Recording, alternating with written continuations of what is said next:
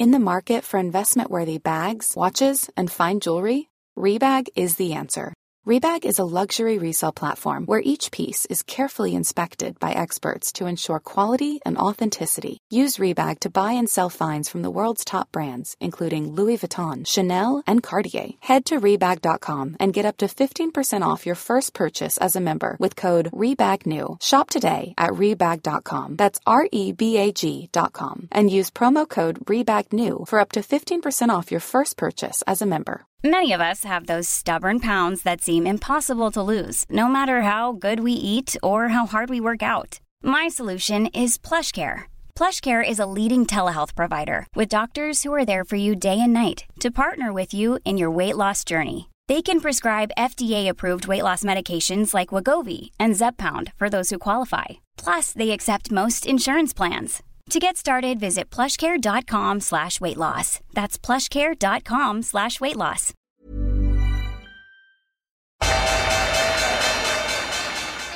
They mistook leverage for genius. Leverage for genius. I would recommend Japan. The governments don't rule the world. Goldman Sachs rules the world. Velkommen til den 134. 135. episode av podkasten 'Tid er penger', en podkast med Peter Warren. Jeg er dessverre å produsere podkasten, trykke på start og stopp stort sett, og av og til komme noen innspill.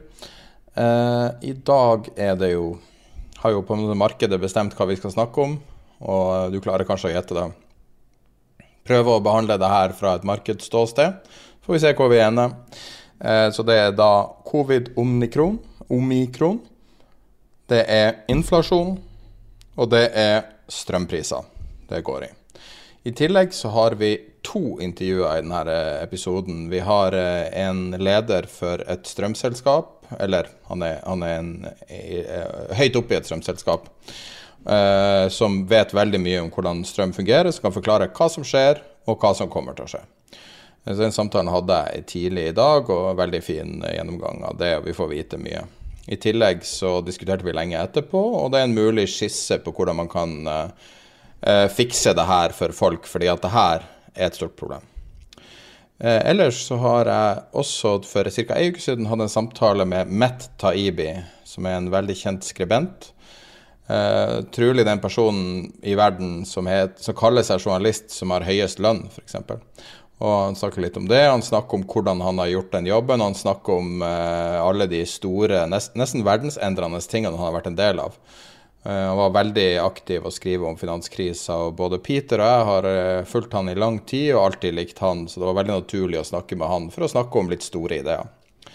Dette ble en times langt intervju, eh, og hele intervjuet vil være å finne på Patrion, som er da eh, vår betalingsløsning, kan du si. Eh, betalingsmur, kall det hva du vil. Eh, som er der vi legger ut alle ting uklippa, som her. Vi har tid til ca. 20 minutter i episoden. Tar vi det på en måte mest relevante for finans, og så legger vi hele intervjuet. Det veldig, var veldig artig å gjøre det, og jeg tror det er verdt å, å høre på det. Tiderpenger.no skråstrek Patrion hvis du ikke er med der. Ellers kan du signere opp på Tiderpenger sitt nyhetsbrev på hjemmesida vår, tiderpenger.no skråstrek nyhetsbrev. Og der har vi også, vi har også en rekke andre tjenester du kan sjekke der. Men da tror jeg det er på tide å gå i gang med episode 135.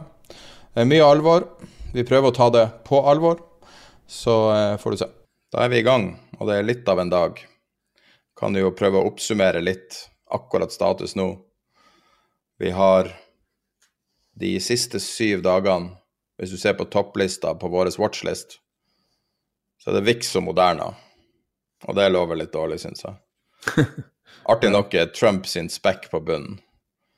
Um, du har en ny variant av korona, omikron.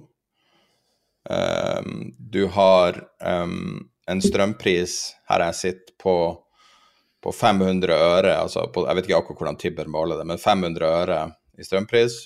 Litt over fem kroner per kilowattime. Ja. Uh, som er det høyeste jeg har sett, og det tror jeg er det høyeste på Østlandet noensinne. Du har jevnt høy strømpris i, i, hele Norge for første gang i denne runden.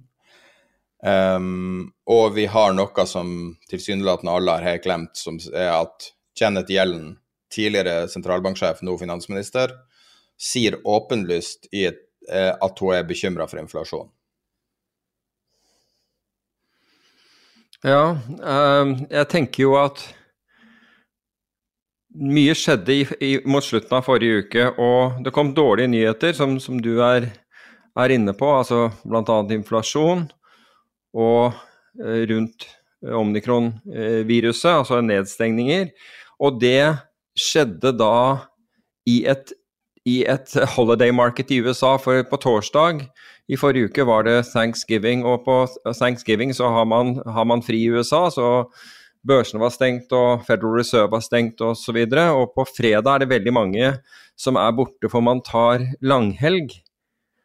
Og dårlige nyheter samtidig med tynt marked. altså Når vi vet at USA er verdens viktigste marked, altså det er to tredjedeler av altså Størrelsen på USA utgjør to tredjedeler av verdens eh, børsmarkeder. Så, så, skjer det spesielle ting. Um, og det skjer en del ting Eh, strukturelt i forbindelse med det, og det så vi veldig godt både, eh, både på torsdag og på fredag, nemlig at marketmakerne, altså disse som da skal stille kjøper- og selgekurs, de reduserte da eh, hvor mye de var villige til å, å, kjøpe og selge på hver kurs. For øvrig så har det, det vært dramatisk fallende de siste ti årene dramatisk fallende, slik at eh, det, er, eh, det ble beskrevet for øvrig i, i, i dag i, i, Financial Times at det er en sånn, på basis av en rapport fra, fra et, et, amerikansk forvaltningsselskap som heter Wellington, altså en ekstrem liquidity mismatch. Altså det er en mismatch mellom det som, det som investorene ønsker å kjøpe og selge, eh, kjøpe eller selge, altså i, i antall, og, og, det som tilbys i markedene. Og dette har vi snakket om veldig veldig mange ganger, hvordan dette, hvordan dette her har vært, og, hvor, og, vi har sett hvordan dette har vært. Um, og det forbauser meg at verken tilsynsmyndigheter eller børsene gjør noe med det, men det er sikkert lite grann fordi det er tilsynsmyndighetene som i stor grad er skyld i dette her, så, så dermed med, gjennom regulering.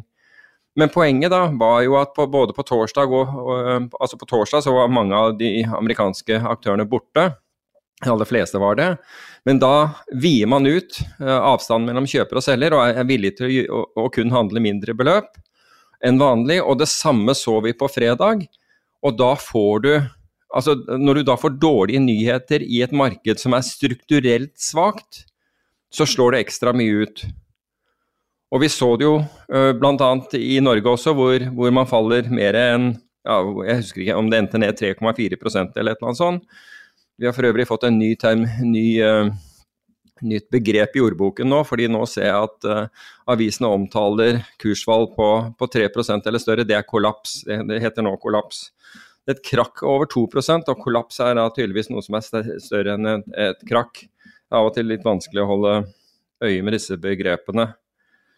Men uh, Så alt dette her skjer samtidig, og så må vi huske at det har vært ting som har skjedd nå nylig. Altså vi har hatt som, som det, dette i kraftmarkedet, altså markedet for naturgass, um, har hatt enorme svingninger. Oljeprisen har, har, har steget ganske kraftig frem til, til, fredag, hvor man kan gjerne kalle det et kollaps i oljemarkedet, fordi det er vel det nest største fallet har man har sett i dollar. Jeg har tall på det. Du har det, kom igjen. Uh, skal vi se om jeg får opp riktig, for jeg har sett både på bitcoin og på olje. Så det største dollarmessige fallet man har hatt, var i finanskrisa 23.9.2008. Det var 13 dollar 57 cent. Nest største var 9.3.2020, som var 12,17. Eh, så det 5. mai 2011, eh, som var 9 dollar 62. Og på fredagen så var det 9,38 dollar, 11,4% ja, altså det, det var litt sånn hvor, hvor, hvilken oljekontrakt man målte fra. fordi Det var, det var brent de målte på nå. Ja, og, mens VTI var ned over 13% tror jeg, på det, på, på det meste.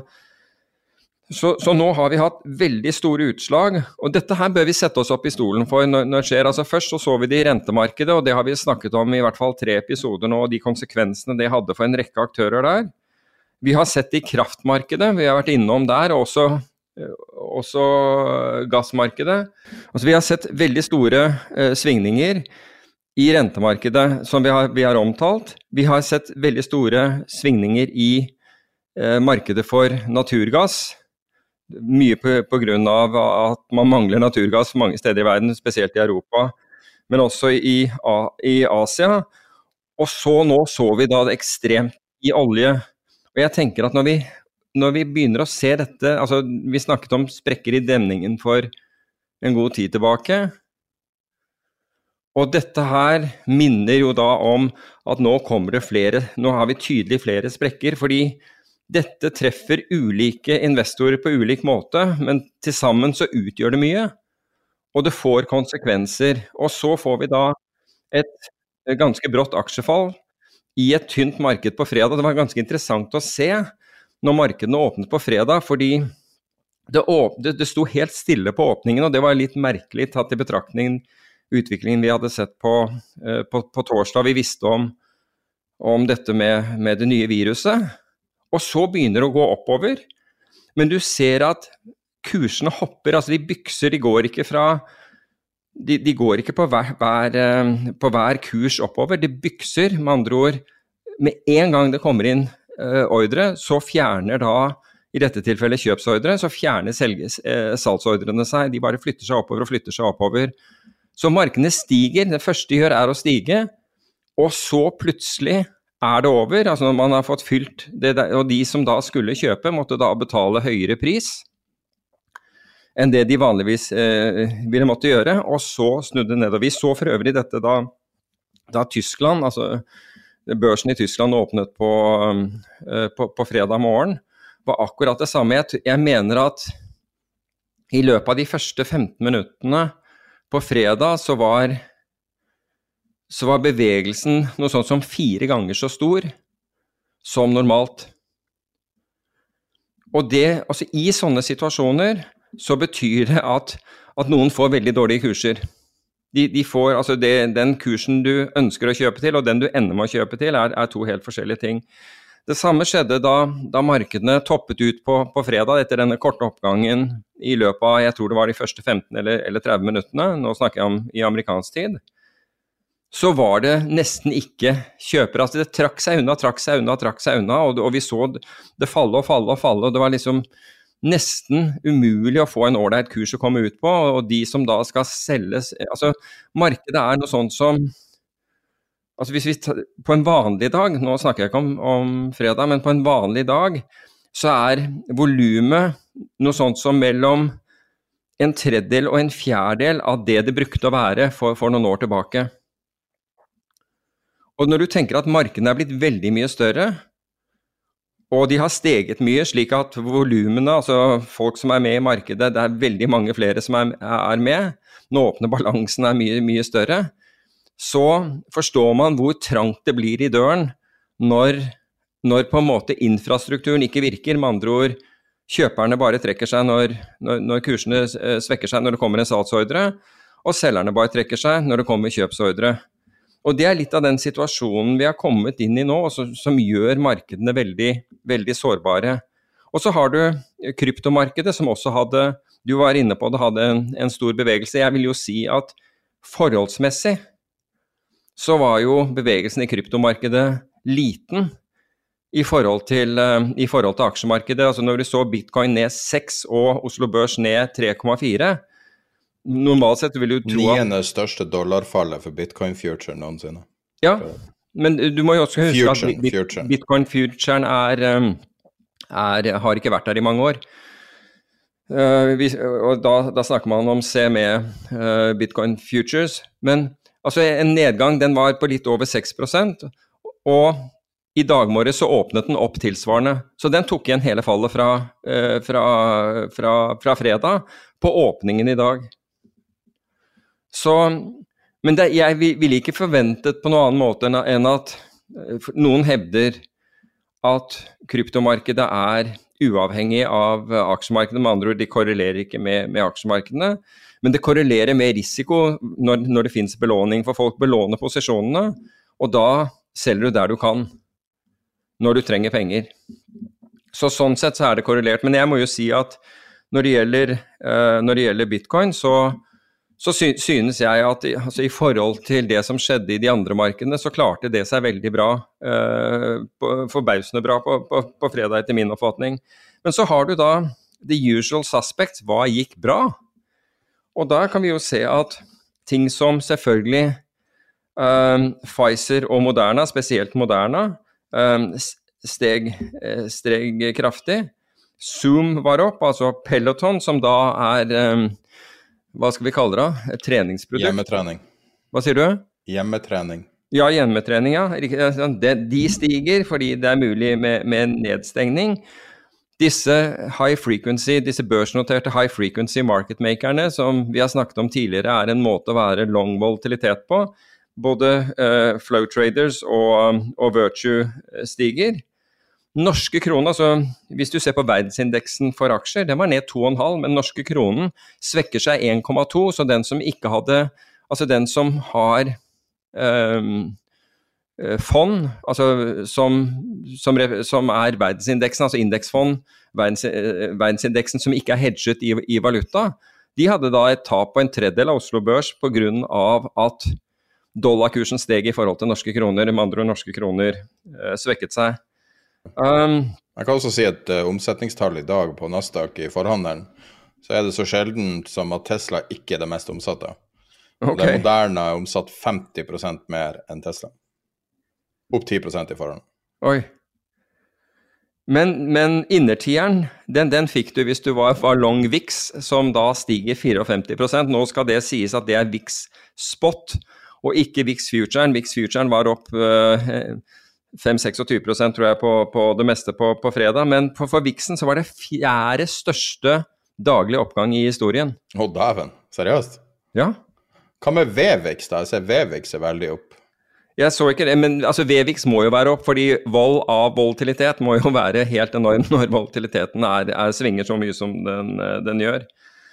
Og apropos dette med disse high frequency um, marketmakerne, som er en sånn proxy for å, være, for, for å ha beskyttelse mot økt volatilitet, så er Virtue Financials de er opp 26% siden september. Så, um, så, det nytter. Altså det fins jo ting man kan sikre seg med hvis man, uh, hvis man har det behovet. Når det, når Peloton, som vi, vi, snakket om, som var opp 5,7% eller jeg sa kanskje ikke hvor mye, men det var opp 5,7% på, Eh, på, på, fredag, de er ned 57 siden, siden uh, gjenåpningen. For da skulle alle begynne å trene på, på treningssenteret. Så, uh, så, så, poenget mitt er at det, var, det er jo mulig å, å gjøre noe i, i, disse markedene, men først og fremst så var det det at det var dårlige nyheter i allerede uh, svake strukturer. Altså med, med andre ord du har ikke de store uh, marketmakerne som er kjøper og selger lenger. altså De bankene som var, de, de, er, de driver ikke med den virksomheten. Det er high frequency uh, som gjør det. Um, og når det da er helligdager altså rundt det, og, og, og mange er borte, så, så, vil deres maskiner automatisk uh, øke spreddene og redusere volumet, så det traff markedet enda verre. Og du ser da at for eksempel, Vi så da, som sagt, jeg nevnte da det tyske markedet, det åpnet på, på, på, fredag. Da hoppet det mange kurspoeng av gangen mellom hver handel. Altså Det gikk så fort at du kunne, du kunne se, se, en handel på, på 52, og neste, neste handel var på 46. Og så var det 42. Og så var det 40, og så var det kanskje 51, altså det var ingen altså det var, det var, ikke sånn at du så omsetning, at, at det gikk fra, fra, nivå, altså fra, fra, kurspunkt til kurspunkt. Det bare gjorde byks. Og i, sånne, og i sånne markeder skal man virkelig følge med. altså Da er det utrolig lett å, å tape penger. Så det var utfordrende. Ja. Eh, I dag er det jo en relativt bra dag, eh, eh, sånn alt sett over ett. Da. Det er jo den eh, voldsomme uroen fra eh, fredagen pga. at folk lærte seg om den nye mutasjonen, virker jo å ha blitt langt mer nyansert over helga, når man nå ser at i praksis har man veldig lite data å gå på, så man kan ikke si noe helt sikkert hvordan det er nå. Så det virker på meg som at folk nå sitter og venter på resultater før man tar noen større beslutninger. Jeg tror alle sitter og venter og ser hva andre gjør, jeg, egentlig, i, uh, uh, i, i, dagens marked. Jeg tror at uh, Altså tatt i betraktning Jeg tror veldig mange ble vasket ut på, på, på torsdag og, og fredag. Altså med andre ord de som hadde veldig høy belåning, da, jeg, da, da, var det veldig lett at man gikk på ordentlige smeller der. Altså når folk har ti ganger belåning uh, og mer, så, så, har de neppe toleranse for å sitte i et marked som faller me mellom halvannen og, og, og 3,5% Nå snakker jeg om aksjer. Da, da går det ordentlig gærent. Så jeg tror mye ble vasket ut der, og så fikk vi som du sier, det, det stabiliserte seg noe i helgen. Og det, det, er jo også vanlig. Egentlig så var det jo bra at Sellafen kom på en fredag, fordi da har man lørdag og søndag til å roe hodet litt ned på. Og så kom han inn på mandag morgen. For øvrig så meldte Goldman Sachs i, i sin ukentlige rapport om, om hedgefond, som da eh, var fullført på, på onsdag, siden torsdag var var, var fridag, at det var massiv ned, re, posisjonsreduksjon eh, i eh, en av de kraftigste man har sett i år, på, på onsdagen. Så der har hedgefond allerede begynt å, å, redusere risikoen sin betydelig. Ja, det var vel gjelden, skulle jeg tro. Kan ha vært. Kan nok ha vært det. Um, selv om gjelden på en måte sier det, det, det, opplagte, så er det jo det at man, man på offisielt hold innrømmer det. Ja, det var mandagen hun sa det.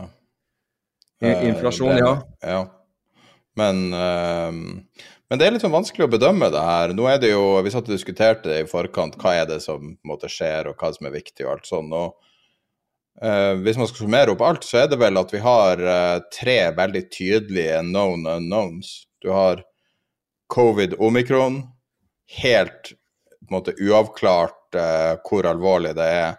Jeg tror det er relativt avklart ut fra lest direkte fra de kildene som, som, er forskere. Du kan se, finne dem på Twitter, liksom.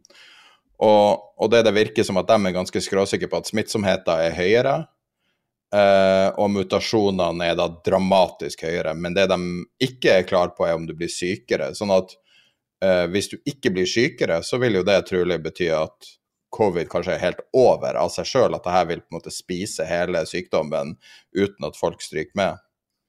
Uh, sånn at det, sånn som fra, fra et helt lekmannsperspektiv.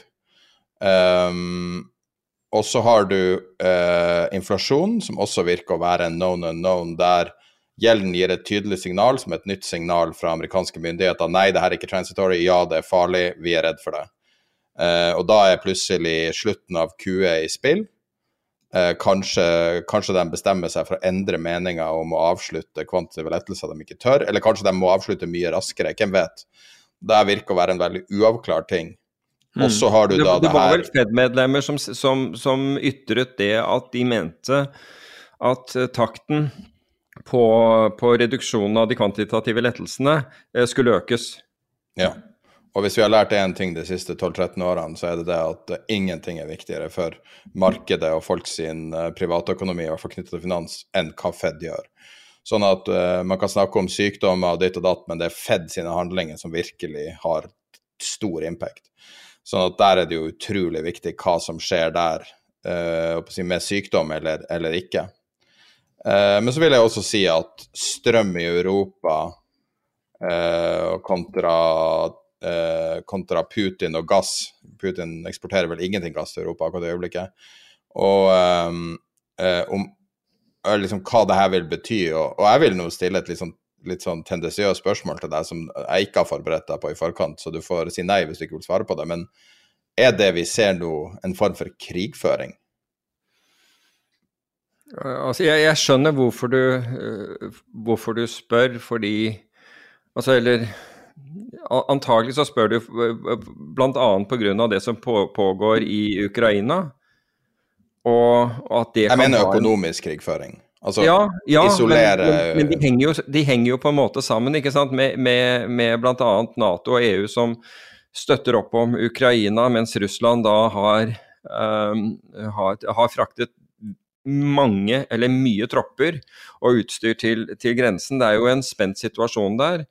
Um, jeg tror at jeg tror rent den, den, den, gass, den, manglende gassen, om du vil altså Putin sa at han var villig til å, til å tilføre Europa gass. Nå, nå, Europa har jo gass fortsatt på lageret, men, men, de lagrene er ca. 25% lavere enn en det de gjennomsnittlige er i utgangspunktet.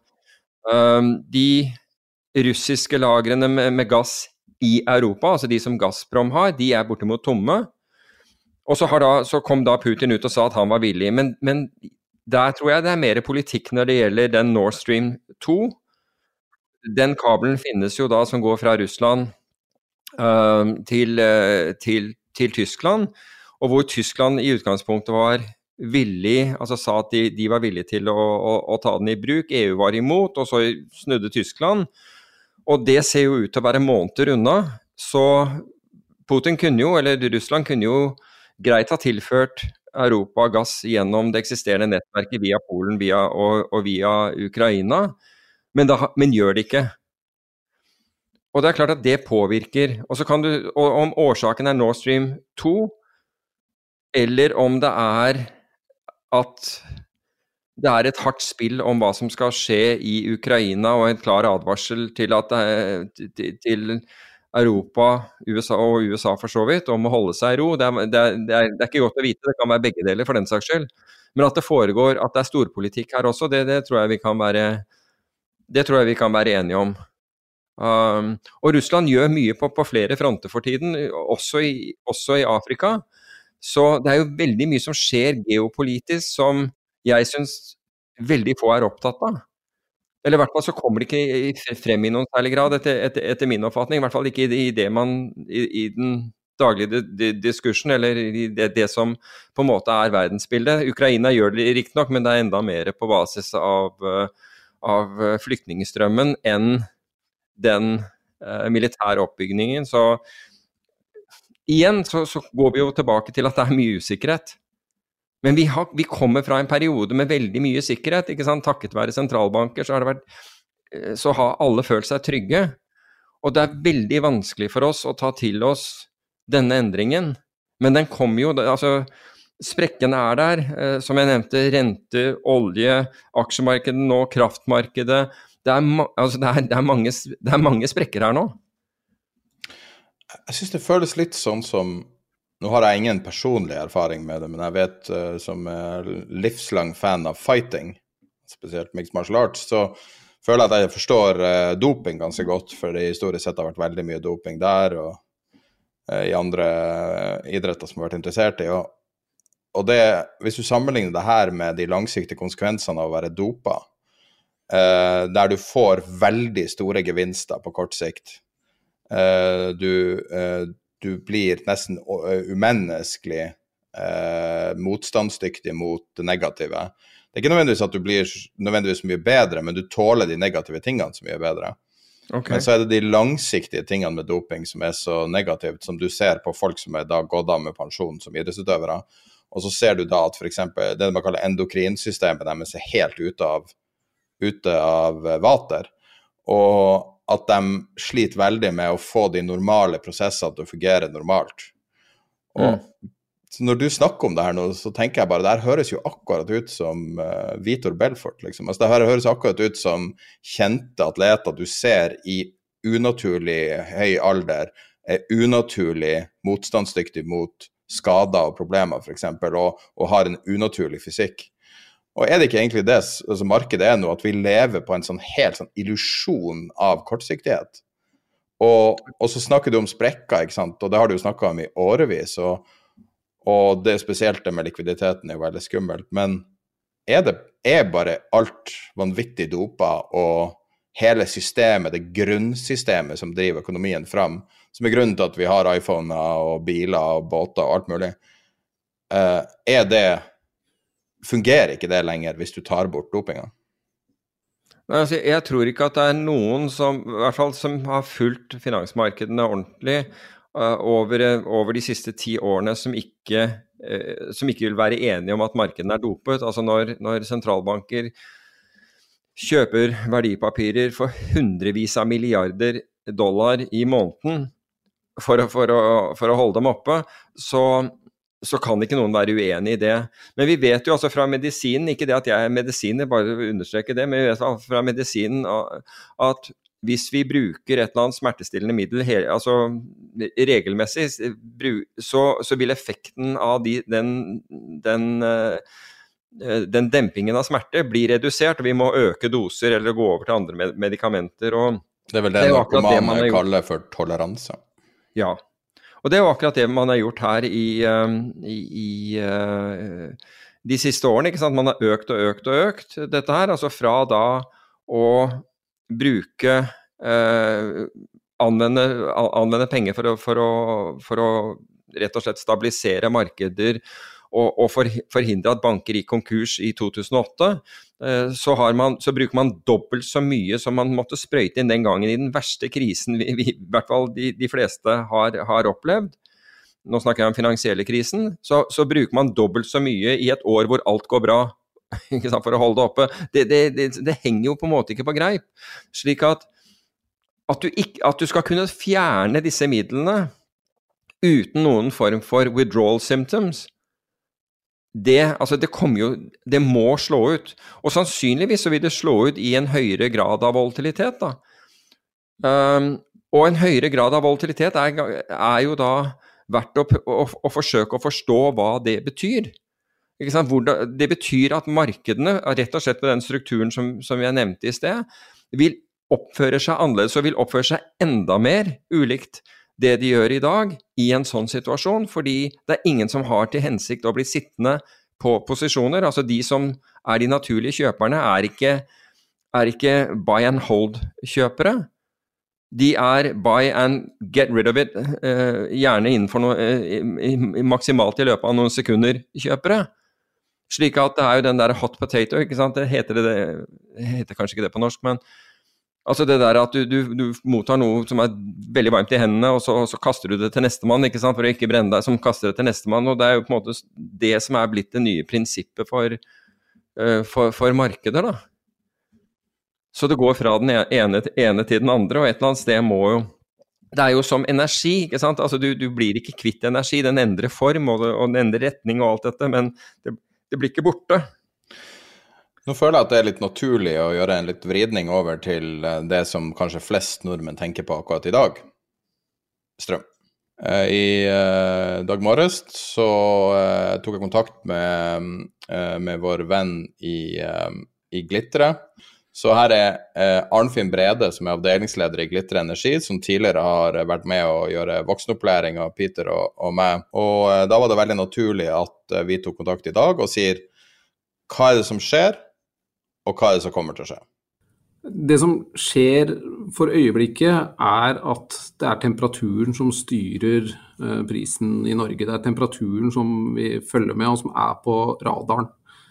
Eh, fordi temperaturen styrer forbruket så mye. Eh, så for å ta en enkel sammenligning, så 1.11. fra klokka 8 til 9 i prisområdet NO1, så var, pris, altså så var forbruket 4160 megawatt uh, timer, altså på én time. I, det tilsvarende forbruket i dag var på 6580. Sånn at egetforbruket i NO1 har jo da økt med 58 forbruket, altså forbruket av strømproduksjon i, i prisområdet NO1. Eh, det er liksom det som styrer. Så har vi da et felles europeisk kraftmarked som er designa under nesten helt felles forutsetning. Eh, og med da dette felles markedet så, så er det akkurat som EUs fri flyt av varer og tjenester. Litt mer nyansert, men omtrent sånn. Eh, og krafta flyter dit betalingsvillighetene er størst. Og hadde det ikke vært for kapasitetsbegrensninger, endringsbegrensninger, eh, altså fra, eh, hvor mye du kan endre flyten fra time til time. Eh, og, og tap i, i, i, nettet, så hadde vi hatt en helt felles pris. Og Grunnen til at ikke vi ikke har hatt helt felles pris fram til nå, at det har jo vært begrensninger på kapasiteten ut av Norge, fordi den europeiske prisen har vært så innmari mye Altså har vært en del høyere, men, men men det som nå da skjer, er at når egetforbruket i Norge går så mye opp, så, så, går man da i retning at man får en felles pris. Når du har en grensekostnad på, på, på gass på over eh, to kroner kilowatt-timen, eh, så er det liksom det vi altså, Så er det der landet ligger, da, hvis jeg kan si det på den måten. Eh, det som har Altså, det som er kom nå altså Hver fredag hver tirsdag så kommer et månedsvarsel. Et vanlig værvarsel uh, har da gjerne en 15 dagers horisont. Uh, som man skjeler mot, og de tikker jo inn. Eh, det kommer én europeisk modell inn to ganger i døgnet, og så kommer det en global modell fire ganger i døgnet. og Dette utvikler seg hele veien. Så Det var jo med stor spenning vi så på dette her i løpet av fredagen, og det lå jo an til at den uka som vi er inne i nå, den skulle bli kald. Det var alle ganske klar over. Men ukene deretter så milde ut. Eh, det som har skjedd i løpet av helga, er at disse 15-dagersprognosene stadig tikker mot en kaldere utvikling. Og dette er jo i disfavør enn den vanlige strømforbruker. Eh, så Vi ser jo nå på værprognoser eh, i en 15-dagers horisont som gir lave temperaturer og dermed høyere forbruk, og dermed igjen også man skjeler mot eh, en felles pris mot Europa, da, mer eller mindre. Det er det vi ser akkurat nå. Så man kan forvente vedvarende høye priser? Eh, alltid forsiktig, for eh, som jeg prøvde å, å, være inne på her. Eh, vi så en værvarsel på fredag som så lovende ut, eh, med tanke på i hvert fall bedre enn et kaldt scenario. Nå ser det kaldt ut, så i, eh, i et 15-dagers perspektiv så ser, det, så ser, det, ikke akkurat lovende ut med tanke på, med tanke på å få en, eh, en, lavere strømpris enn det vi har nå, da. Hvis du skal prøve å bryte ut hvor stor andel av den høye prisen er forårsaka av eksport, går det an å si det? Nei, Det er nesten umulig å svare på, fordi markedsbetingelsene er sånn at vi er i ett felles marked. så Man har liksom tenkt at uh, vi rigger systemet slik at uh, Europa er i én felles båt. Hadde det ikke vært for disse begrensningene, så hadde det vært helt likt. Det er sånn som er grunntanken. Uh, og nå er vi i den perfekte storm, som, så mange har påpekt, med tanke på at gassprisen er skyhøy. Og vi har også vært inne i en vedvarende periode hvor du har hatt relativt lite vindkraftproduksjon. Og for hver megawatt-time det ikke produseres noe særlig med vind, så må det tas av gasslagrene. Og da bare øker energiskvisen, som igjen gjør at, at det danner forutsetninger for at prisene blir høyere igjen. Når du ser framover gjennom hele vinteren og til neste vinter, er det her den nye normalen? hvis du skal gestimere, og ut fra det bransjefolk sier, er det den nye normalen, eller er det her en ekstremvinter uh, for prisen å regne? Jeg tror ikke det her er den nye normalen. Det tror jeg ikke. Men jeg tror at vi har en energiskvis som varer til vårsmeltingen er over. Det tror jeg. Da, kort, da deles kortene litt ut igjen på nytt. Men, øh, men jeg tror vi kommer til å få Den største jokeren er gasspris. Som, altså det, det, er jo geopolitisk spill øh, på mange måter. Men jeg tror det vil vedvare gjennom vinteren. Og ressurssituasjonen, altså dvs. Si hvor mye vann som er i magasinene til vannkraftprodusentene, er relativt lave. Så det skal veldig høye, høye temperaturer til. Og det skal veldig, veldig mye vindkraftproduksjon til for å komme seg ut av det mønsteret vi er inne i. Eh, så med tanke på perspektiv fra en norsk strømforbruker, så er dette her enten ille eller ordentlig ille. Hvordan ser ditt worst case scenario ut? Prismessig?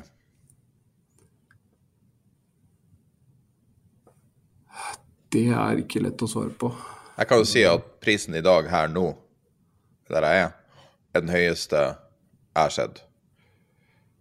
På Tibber-appen står det 500 eh, Om det er øre Nå må jeg dobbeltsjekke hva det står i Tibber, egentlig. Eh, 524 øre i dag klokka fem. Ja. Og det er også relativt lik pris i hele landet, noe jeg ikke har sett før siden det har starta. Hvis jeg kan ta det først, så, så er det mye altså Det er to hovedfaktorer så vidt jeg har fanga opp. Det ene er at det begynner å legge seg is på disse lange elvene nord i Sverige, som gjør at du får redusert vannkraftproduksjon der. Og så blåser det lite. Ja, så var det et perspektiv til, og at det er kaldt. Eh, og da havner man i den felles båten som jeg var innom i stad. Eh, hvor, hvor eh, egetforbruket går såpass mye opp at det blir ikke begrensninger i, i overføringskapasitetene lenger. Men uh, hva Nei, det, det, er, det, er, veldig vanskelig å svare på. Nettopp fordi at det har vært Vi skjeler jo mot en gasspris her. Og som Peter Warren var inne på i en tidligere episode, så er det en volatilitet i det markedet som er uh, veldig mye større enn det man har tidligere erfaringer på. Uh, så men det, det som i hvert fall er øyeblikksbildet, er at det er gass som setter prisen på dag i Europa. Og så er det gjerne kull, altså marginalkost kull som setter på natta. Uh, og der ser man priser på, på natt på over, godt over 1 krone kilowattimen, og dagpriser på godt over 2 kroner kilowattimen. Og så er det jo forbruket som styrer litt. Det, det er nesten umulig å spå hva, hva det skal bli framover. Det var Arnfinn Brede i, i Glitra. Uh, en, en, veldig fin sånn faktaorientert gjennomgang. Uh, kan også legge til noen fakta. Vi fortsatte å snakke i 45 minutter etterpå, så vi måtte vente litt med opptaket i dag fordi det, det, er så mye å snakke om her, da. Så det er så mange, mange uavklarte ting. Så jeg kan jo egentlig bare snakke litt om de uavklarte tingene som er i markedet nå. Eh, akkurat hvor mye som skal eksporteres ut av Norge, er uavklart. Eh, per dags dato så er det vel en mer eller mindre ren markedsøkonomi. Eh, og eh, det som er spesielt nå, er at tidligere så har du hatt en sånn eh, Om man skal kalle det en gentleman-regel, eller om det faktisk er en nedskrevet regel, det, det, kan jeg ikke si for sikkert, men jeg tror det er en gentleman-regel om at du som kraftprodusent ikke eh, skrur av strømmen på kalde dager til folk som ikke kan betale. Sånn at man i Norge har en sånn kultur for å ikke potensielt ta livet av folk bare fordi de ikke kan betale regninga.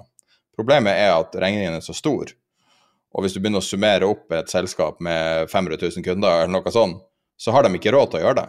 De har ikke råd til å eh, la folk fortsette å bruke strøm hvis de ikke kan betale for det. Så eh, i år kan det skje at vi får avskruing av strøm på kalde dager hvis du ikke betaler regninga. Og da kan vi eh, se litt framover, da. Så eh, eh, jeg, spurte Arnfinn da, hva forventer du framover?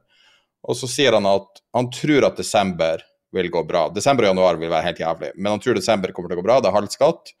Folk har sannsynligvis likviditet nok eh, at, at, han på sin magefølelse da, mener ikke at, at det vil gi store utslag negativt, men januar kan være en katastrofe. Og han tror at størrelsesordenen kan være så stor at det er større enn den økonomiske katastrofen som var korona og at vi må være forut for det her. Dette er ei varsla krise. Man har visst det nå i månedsvis, og det er veldig små tiltak som er blitt gjort.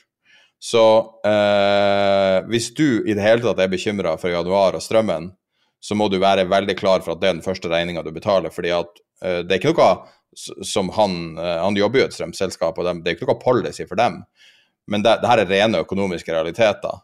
Altså, det her er snakk om å overleve som bedrift. De har ikke buffere som, at, som er så store at, kan, eh, liksom, at kanskje en tredjedel av kundene ikke betaler regninga. Det går ikke an. Sånn at du må være forberedt på januarregninga, som vil sannsynligvis være veldig stor. Og som han sier, så ser det ikke så veldig bra ut på den liksom, langsiktige værmeldinga. Kan jo også som et apropos si at vi er midt i en, et La Ninja-år, som er historisk sett kald. Og vi kan få sånn polar vortex som da blir helt psykotisk kaldt uh, på steder der det vanligvis ikke er så kaldt. Så vi har de to tingene hengende over oss også. Uh, videre så stilte jeg det spørsmålet som kanskje flest stiller seg, hvor stor ut, eh, hvor, hvor, mye utgjør eksport av det her? Eh, han sier at det går ikke an å kalkulere sånn eh, på stående fot hva som er eksport, fordi han sier Europa er et marked Ideelt sett hadde det vært én pris hvis det ikke hadde vært energitap i linjen. Så Europa hadde hatt ett marked med én pris på strøm, that's it. Det er det som er målet. Og det her er fri flyt av varer, og det er vel kanskje det at Norge ikke er med i EU på, på mange forskjellige måter, så vi er ikke vant til det her. At du betaler etter evne og bruker etter behov. Men uh, det vi ser nå, er faktisk EU i praksis, som er at man står sammen. Pga. manglende gass, som er den store driveren. Uh, gang, man, og det at Norge og Russland er de to eneste som eksporterer gass til Europa, så, uh, så vil da det at Russland har trukket seg så mye ut, vil være veldig utslagsgivende, som vi nå ser. Uh, og han uh, Eller nå, nå, var det det gikk fram og tilbake, og så sier vi liksom han sånn Ja, uh, er det, er det, realistisk å kunne melde seg ut? Og, og, det, og, det, kan man jo se tilbake litt på politikere som har kommet i maktposisjoner. Så ser man at de ofte modererer seg i maktposisjoner.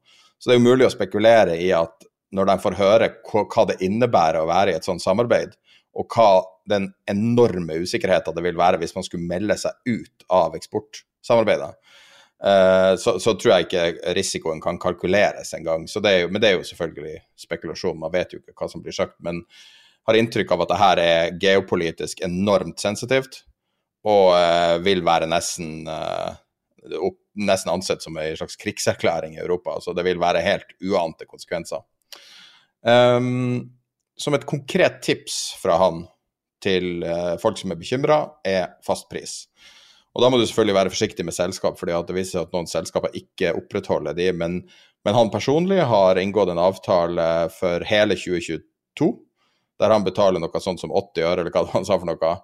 Eh, og, og, i dag er det 85 øre du kan få på fastpris gjennom 2022. Eh, hvis markedet skulle falle masse, så viser det at du taper på det, men det du vet er at du kan ikke eh, Du går sannsynligvis ikke konk med det. Og da er det jo en, eh, en langsiktig kontrakt, litt lignende sånn som bedrifter har. Bedrifter har jo typisk tolv måneder kontrakter. Uh, en annen artig detalj, for jeg spurte om elbiler, da, for en hadde en kommentar i dag om at elbiler er så forferdelig for strømmarkedet og sånn. Og så hvor stor del utgjør det av strømmarkedet? 5 er det han sier. Så elbiler er selvfølgelig det er en marginal forbruker, som da gjør at prisen blir betydelig høyere enn det ville vært uten det, men likevel så er det bare 5% så det er ikke sånn at de bruker opp strømmen.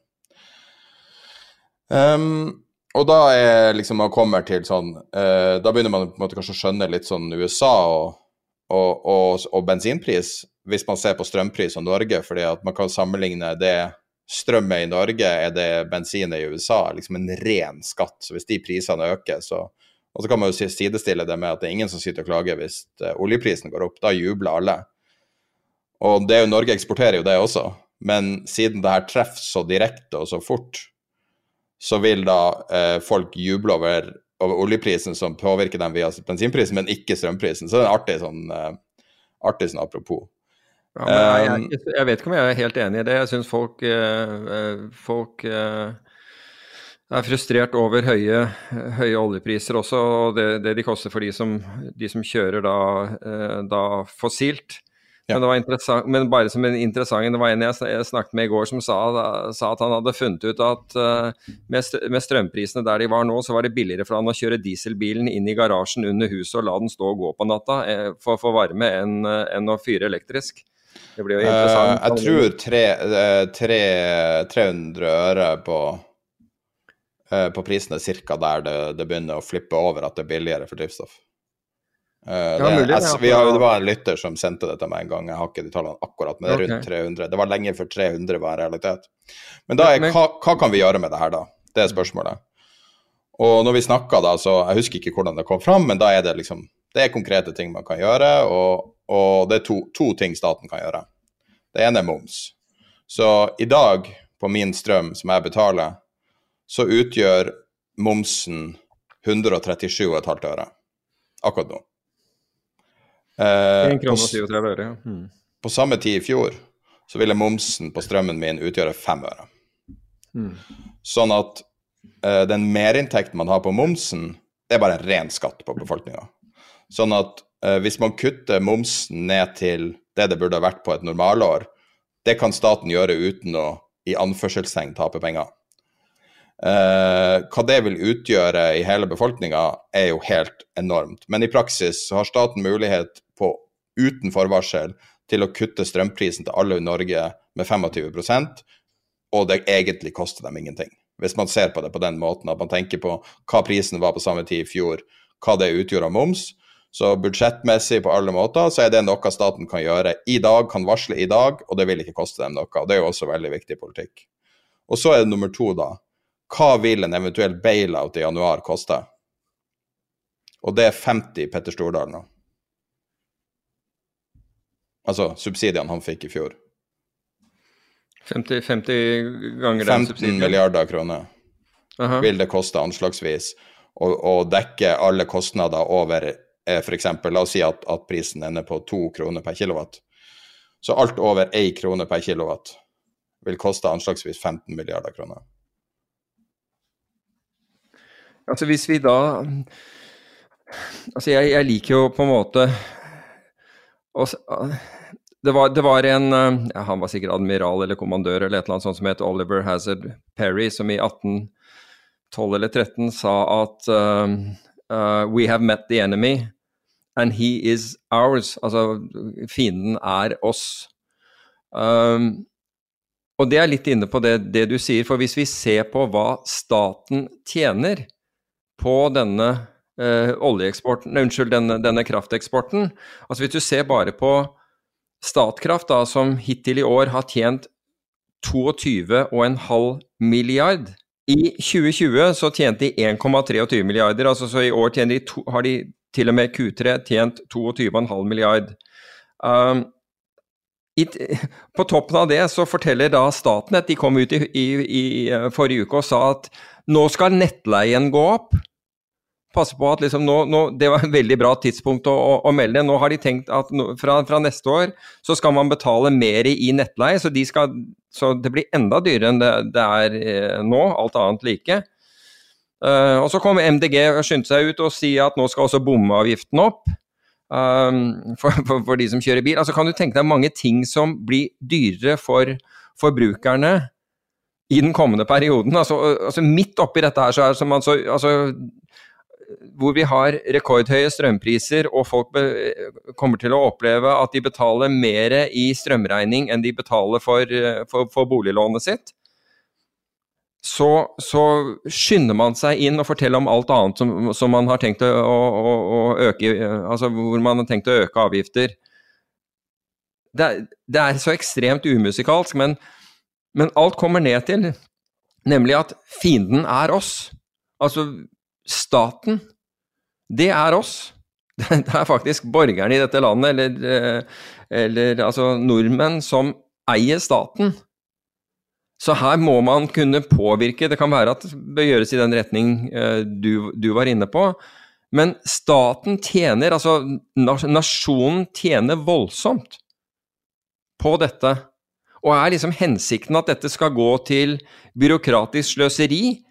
Eller skal det faktisk gå til innbyggerne? Altså skal innbyggerne, som da er staten, um, få, få, noe hjelp her?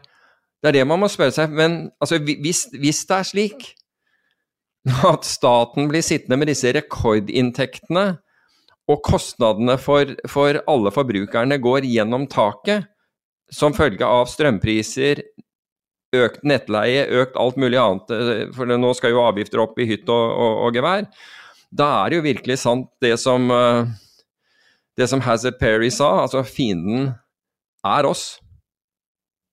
Og det eneste som kan gjøre noe med det, er faktisk velgerne på et eller annet tidspunkt. Nå har det akkurat vært valg, så jeg vet ikke helt hva du Hva, du, hva, hva sier du? Nei, nå har det jo akkurat vært valg, har det ikke? Ja, nå har det jo akkurat vært valg, og ja, så jeg, jeg, skal ikke kommentere det, for vi skal jo ikke drive Det er jo ikke politikk vi skal, uh, vi skal drive med her. Men når, når du viser til Vi kan snakke om økonomisk politikk. jo, men du, du, viste jo Ja, det kan vi jo gjøre, men du viste jo, til, um, du viste jo til EU, og det er ikke så enkelt og greit i EU, fordi det allerede nå så er det kommet pro protester i Frankrike. Fordi man har stengt kjernekraftverk i Frankrike, og Frankrike eksporterer jo strøm til uh, Storbritannia, Spania, uh, Italia og Tyskland. Og hvis de da skal uh, eksportere uh, strøm som, uh, som, som, vanlig, så kan det bli blackouts i Frankrike. Med andre ord at de går tom for strøm selv. Så det er ikke sånt, så det er ikke fryd og gammen innenfor, innenfor EU heller når det gjelder den situasjonen man nå, nå står i, som er, som er, en form for perfect, altså perfect i anførselstegn, storm. Norge har jo et sånn rasjoneringssystem også for strøm, uh, som er statlig. Selvfølgelig mm. som alt annet i Norge.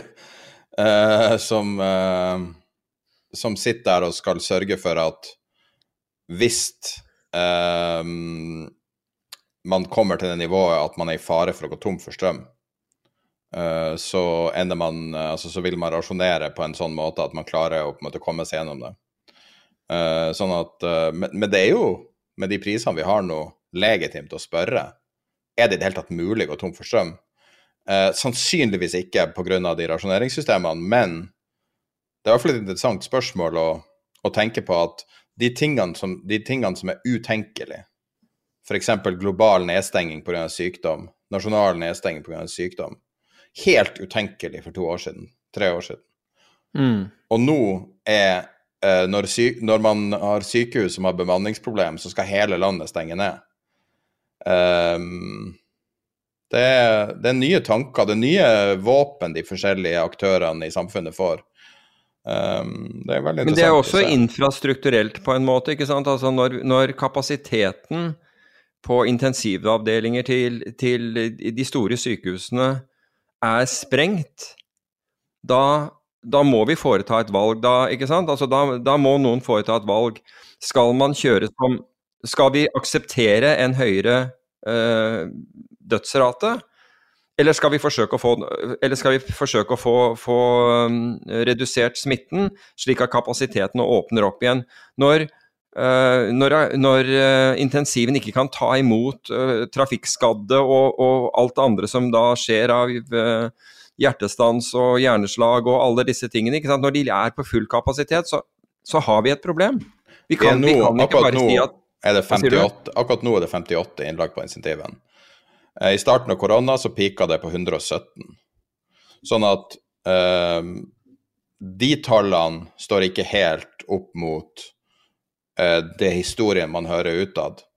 Og eh, det er det jeg mener med nye våpen. Sykehuset i Tromsø har jo meldt ja. Og jeg kan si, jeg har jo sjekka sykehuset i Tromsø. Og Ahus, og Ahus, i, i, eh, og Ahus som befinner Ahus seg innenfor Oslo-grensen eller ikke, spiller ingen rolle. Nei, det er jo Lillestrøm.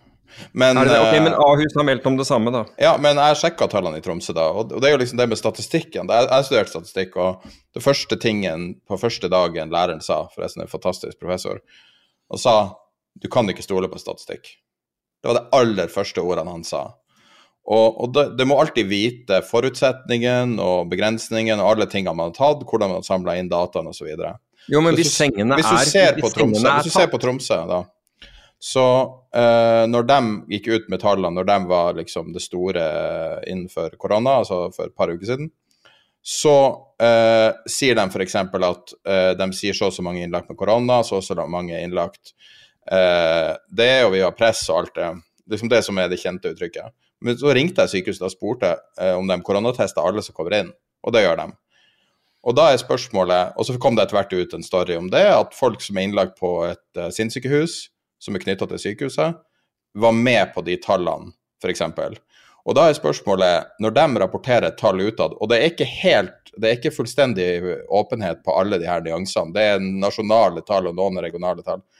Og, og, da er spørsmålet er du innlagt med korona, eller er du innlagt av korona? Er du syk av korona, eller har du knekt foten og har korona?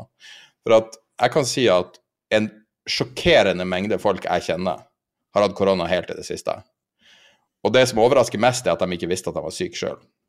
Mm. De visste ikke symptomene. Fordi folk tror at du hoster, tror at alle de her tingene her. Så symptomene nå er at nesen din renner, du har litt vondt i halsen, du har hodepine. Det er symptomene nå på å ha korona. Nå vet vi ikke om omikron om alt vil forandre seg. Men du havner ikke på intensiven hvis, hvis nesen din renner litt? Rann. Nei, og det er det som er hele poenget. At, det, altså, en kan argumentere med at, at, når jeg går rundt i Jeg var i Oslo her en dag, og så så jeg hvor mange folk som hadde de symptomene som jeg bare så. Altså folk som jeg så på butikken eller var, var, drakk en kaffe med en kar, og bare så alle rundt. Så vil jeg si at kanskje halvparten av folkene jeg så, hadde et eller annet symptom på det uten å tenke over det.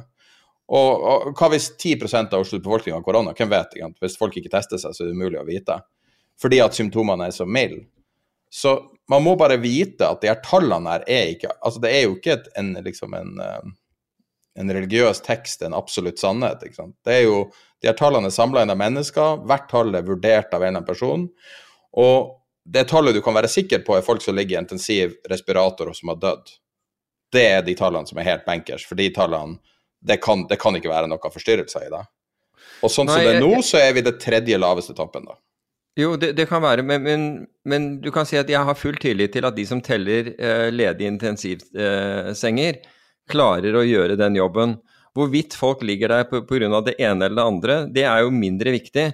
Men hvis Men, men hvis, hvis, eh, hvis eh, ansvarlige for intensiven sier at nå er vi nå er, vi eh, på full kapasitet her, så må jo på en måte samfunnet ta stilling til det og si om ok, da nå, nå må vi stressbygge et nytt sykehus. Det er ikke akkurat så lett.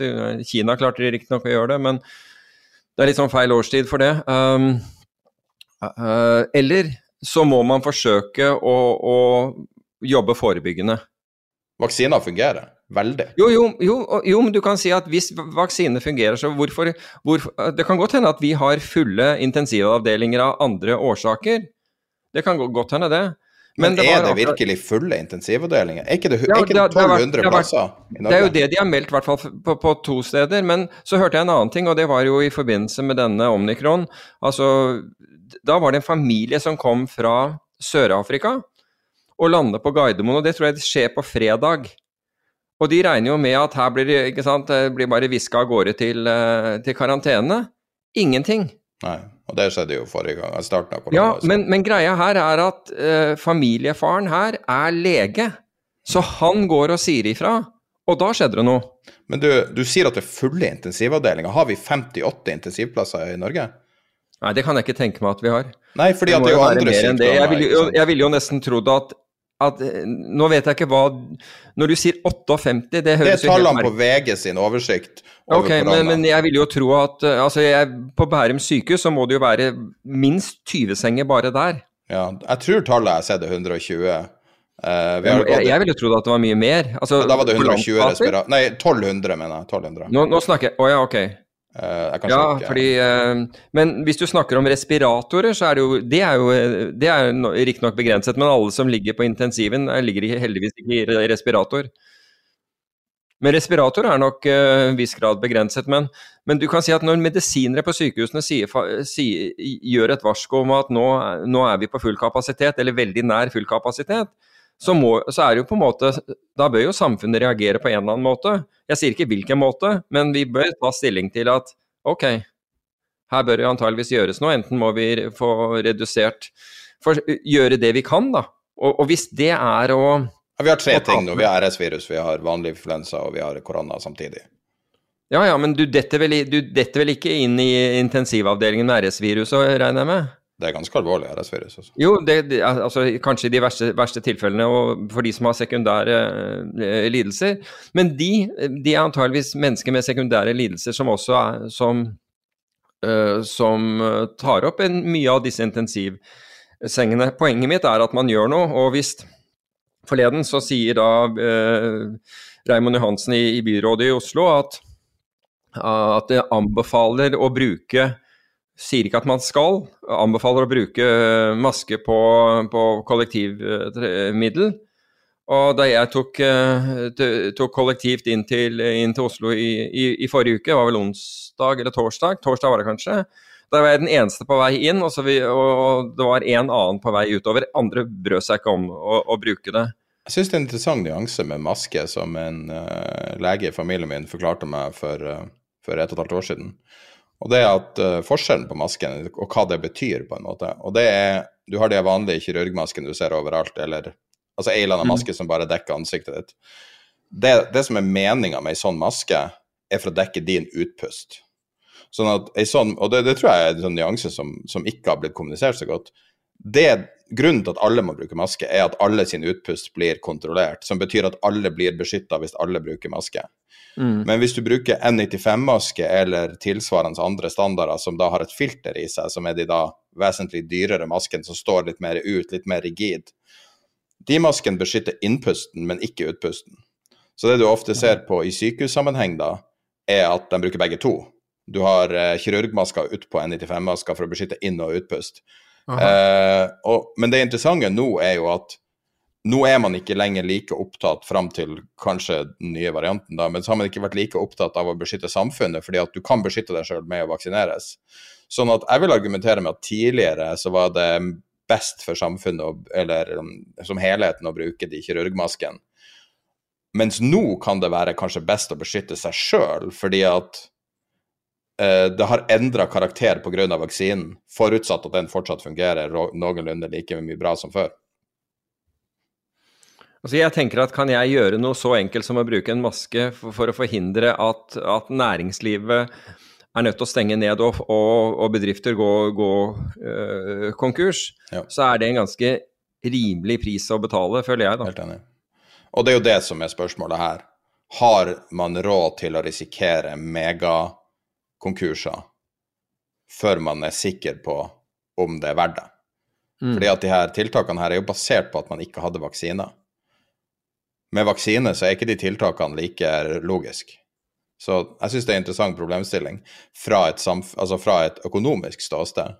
Nå er det ikke at, at verken du eller jeg skal ha noen mening om sykdommen, og det jeg håper ikke det, det kommer fram som, fordi at hvem vet, altså det er veldig mye uklart, og vi har ikke noe ekspertise ut, utover hva man leser i avisa.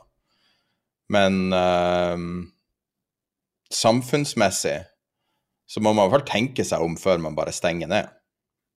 Ja, jeg, jeg er helt enig, altså, og derfor sier jeg at hvis, hvis, hvis det, den, det, det lille ukomfortable at man går med, med maske, kan bidra til å holde det åpent, så, så burde man da burde man ha på en måte en sam, samvittighet nok til å gjøre det. Man, I tillegg så kan det være at, at noen sparer livet på det, det, det ikke minst. Så Kan jeg også jeg si syns at eh, forlangt. Moderna hadde en pressemelding før helga med tre punkter. Um, den sier at uh, enten så vil deres økte dose boostere funker. de håper at det skal funke mot omikron. Nummer to er at de har laga nye boostere basert på andre mutasjoner, som de skal teste mot og se om det fungerer mot omikron. Og nummer tre er at de kan lage en helt ny booster basert. Uh, ut fra det de sier, så virker det som at de kan ha et ferdig produkt klart til testing om 30, nei, 60-90 dager. Så relativt kort tidslinje. Og logistikken er jo på en måte optimalisert for å få det her ut. Sånn at selv worst case scenario med omikron trenger kanskje ikke å være så ille som det har vært tidligere, da.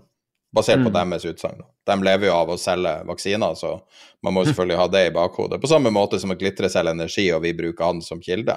Man må jo selvfølgelig tenke på det, men, men man kan jo også bedømme det ut fra Jeg syns man sånn rent samfunnsmessig burde gjøre det man kan for, å, for at samfunnet skal kunne fungere så godt det kan, rett og slett. Så det, det er liksom min, min greie her. Kanskje vi eh, kan gå til eh, neste tema nå. Eh, I siste uke så opplevde jeg noe som var en liten sånn bucketlist-hendelse. Og det er Jeg fikk eh, lov å snakke med en eh, nesten helt i en time. Og det tok litt tid å få booka det intervjuet, alt sånn, og han er, skriver et nyhetsbrev nå. Vært journalist eh, i mange, mange år. Og veldig kjent for folk som var aktive i finans under finanskrisa, der han omdøpte Goldman Sachs, annet. Um, dette intervjuet er ca. en time langt. Vi har eh, absolutt ikke kapasitet til å legge ut hele i uh, podkasten, så vi legger ut uh, ca. 20 minutter uh, i eh, denne episoden. Uh, blant annet da vi snakker mye om finanskrisa. Og så legger vi ut hele intervjuet bak vår betalingsmurløsning som er på Patrion. Så hvis du går på tiderpenger.no patreon, så vil du komme rett inn på den sida. Og eh, alle som er medlem der, får fri tilgang til alle våre intervjuer og uklipper, alt vi liksom ikke har plass til. da. Um, har delt en del linker fra ting Mette Ibi har, uh, har, skrevet. Kommer til å legge det med i nyhetsbrevet som går ut med episoden. Uh, så hvis du ikke vet hvem det er, så uh, vil jeg si at det absolutt er verdt å høre på. Jeg vet ikke hva du syns, Peter. Du har jo fulgt han i mange år også. Ja, ja altså jeg fulgte han, eller ble aware of him da, en god del etter deg, tror jeg. Altså, og det var i forbindelse med den der artikkelen han skrev om om Go Goldman Sachs. Heter The Bubble og, Machine. heter artikkelen. Hva sier du? The Bubble Machine. Ja, akkurat. Um, og, um, men ble veldig fort fan og, og fulgte han uh, i, i, hele den der perioden hvor han skrev mye om finans. Altså han gikk jo vekk fra, fra finans uh, og skiftet tema en, en, stund etter finanskrisen. Så vidt jeg forsto på deg, så var han nå uh, mer tilbake på det, det, sporet. og I tilfelle så skal jeg ta han opp igjen. Men, uh, men uh, han han, var, altså han er jo absolutt en av mine han er, Kaller han seg fortsatt journalist? Jeg tror han er kanskje en av de siste sanne journalistene. Det er det Aha. som er litt artig med han, er at han, i motsetning til det mange opplever, spesielt i amerikansk media, så har mange en forutinntatt utgangspunkt når de starter med saker han virker å være en, en ren objektiv observatør, som mm. ikke har eh, partipolitiske meninger som han ytrer på noe vis. Og, og, og derfor blir det veldig mange anklager for å gjøre nettopp det. Eh, sånn at eh, jeg tror at han er en 100% journalist, men det artige er jo at han, han skriver jo bare et nyhetsbrev. Han er sin egen sjef, og han tjener grassat med penger på det. Han har 30 000 betalende abonnenter. Men han skriver jo fantastisk godt også, det, det, det skal han ha.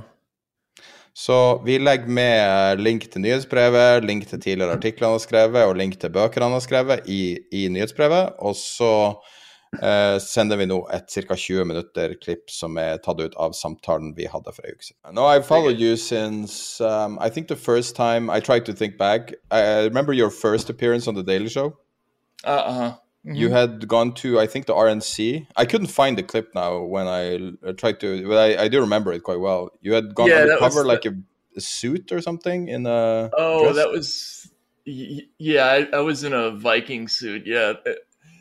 That was after my book, uh, Spanking the Donkey, came out. Um, so it was about a whole bunch of stuff if I remember correctly. Yeah, and it, it's quite a while ago, and I still remember it well. So. Yeah, I still had hair. Yeah, it was it was amazing.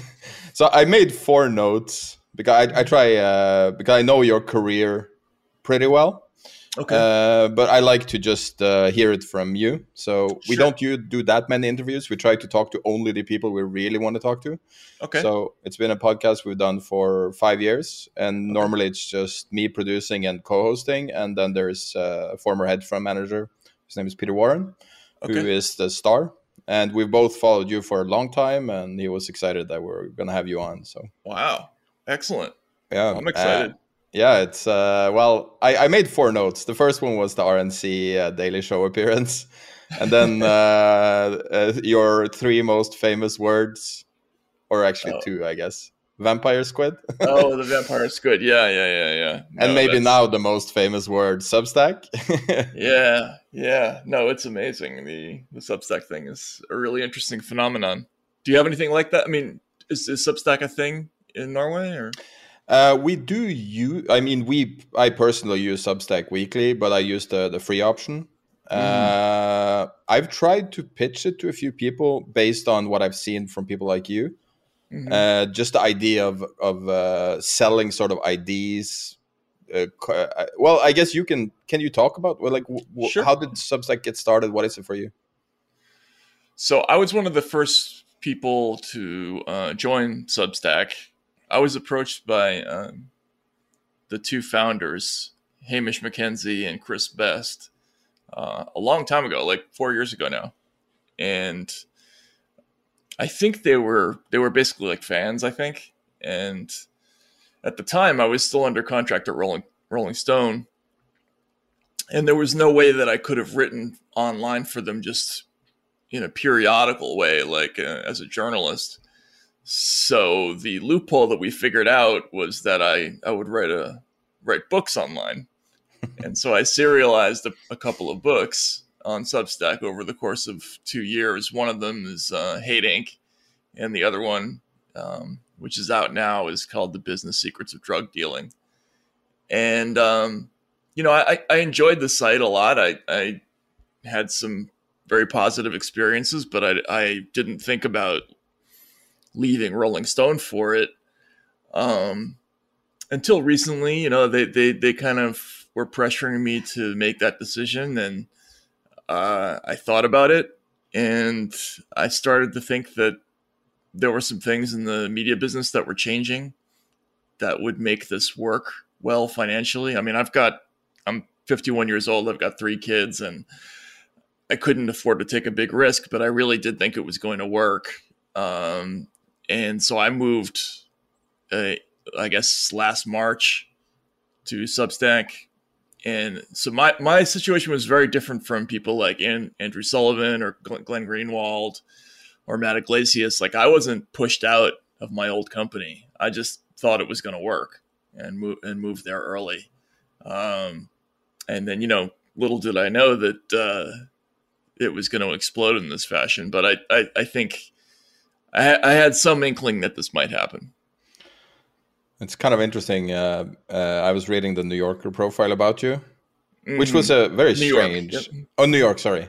Um, it was a little bit of a strange. Um, uh, the, the way it was sort of trying to I guess the term is throwing shade in the middle of the praise.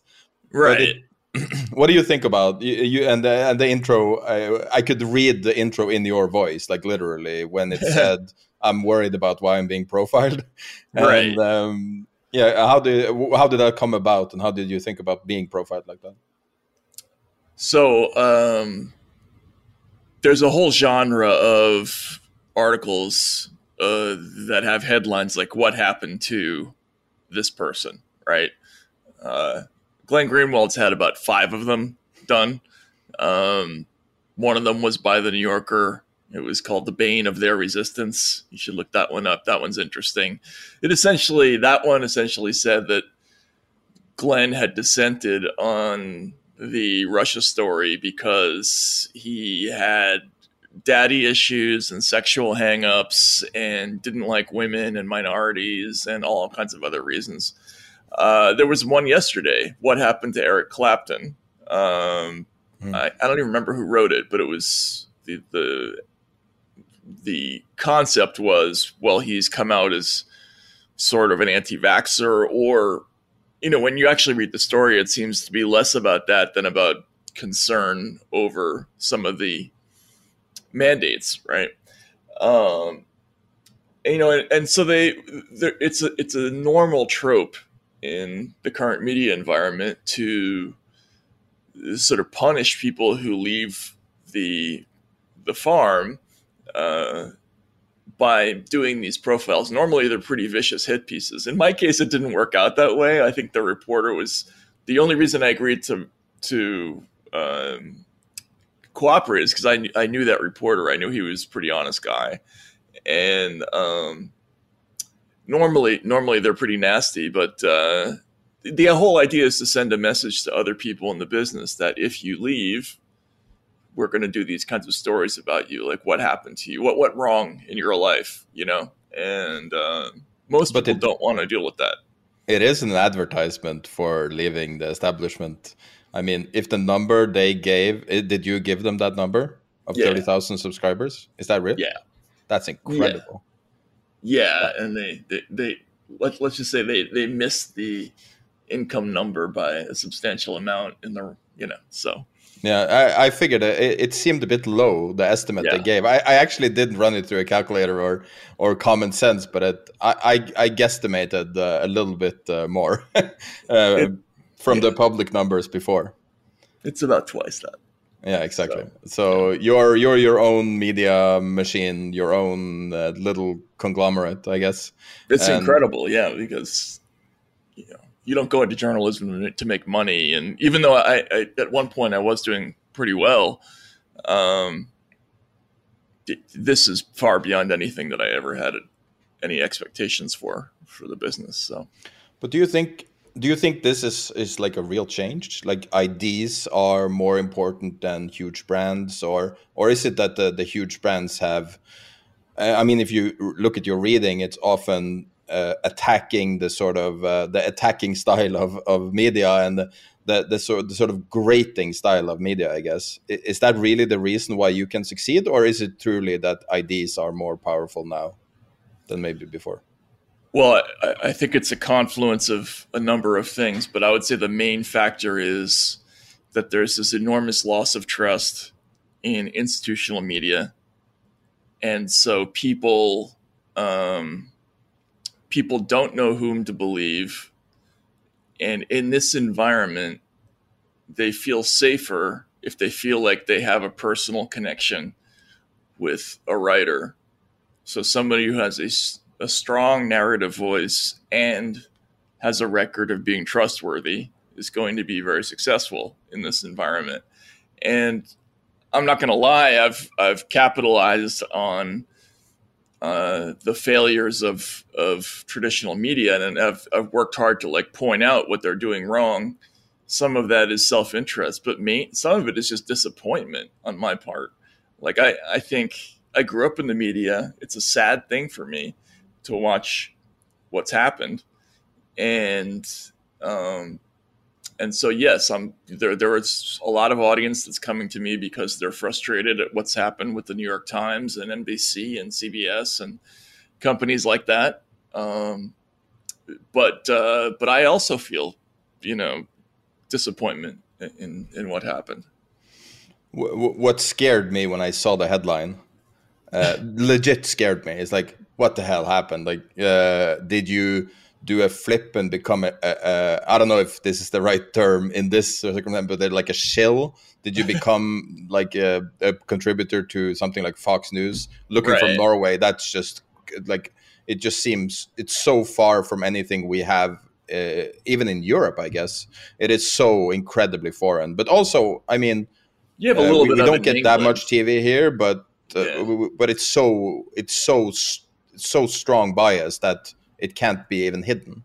Right. Uh, yeah. But I was scared that that happened to you, but uh, apparently it didn't when I started reading the actual article. No, no, they they look, and and this is part of what's happened in, in media recently is, um, anybody who kind of falls out of line uh, with any of the popular narratives with these major news stories, gets labeled right wing, gets labeled a pro Trump figure yeah, so if you if you um, if you fall out of line on a, on a story like the Russia story, uh, you're talking about the the election colluding. Yeah, like right. RussiaGate. You know, Trump was a Russian agent. All that stuff. If you if you know from my writing, like I can't stand Donald Trump. Like I, I wrote a book about him that yeah. basically called him a clown. Uh, when the Russia story came around, like most traditional news people, I was kind of indifferent to it. Like you know, okay, um, if he's guilty, that's bad. If he's not guilty, that's, you know, it is what it is. I, I don't really care. It's not my job to care. I don't see it that way.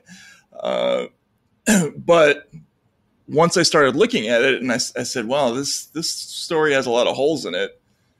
Um, this is going to be a problem.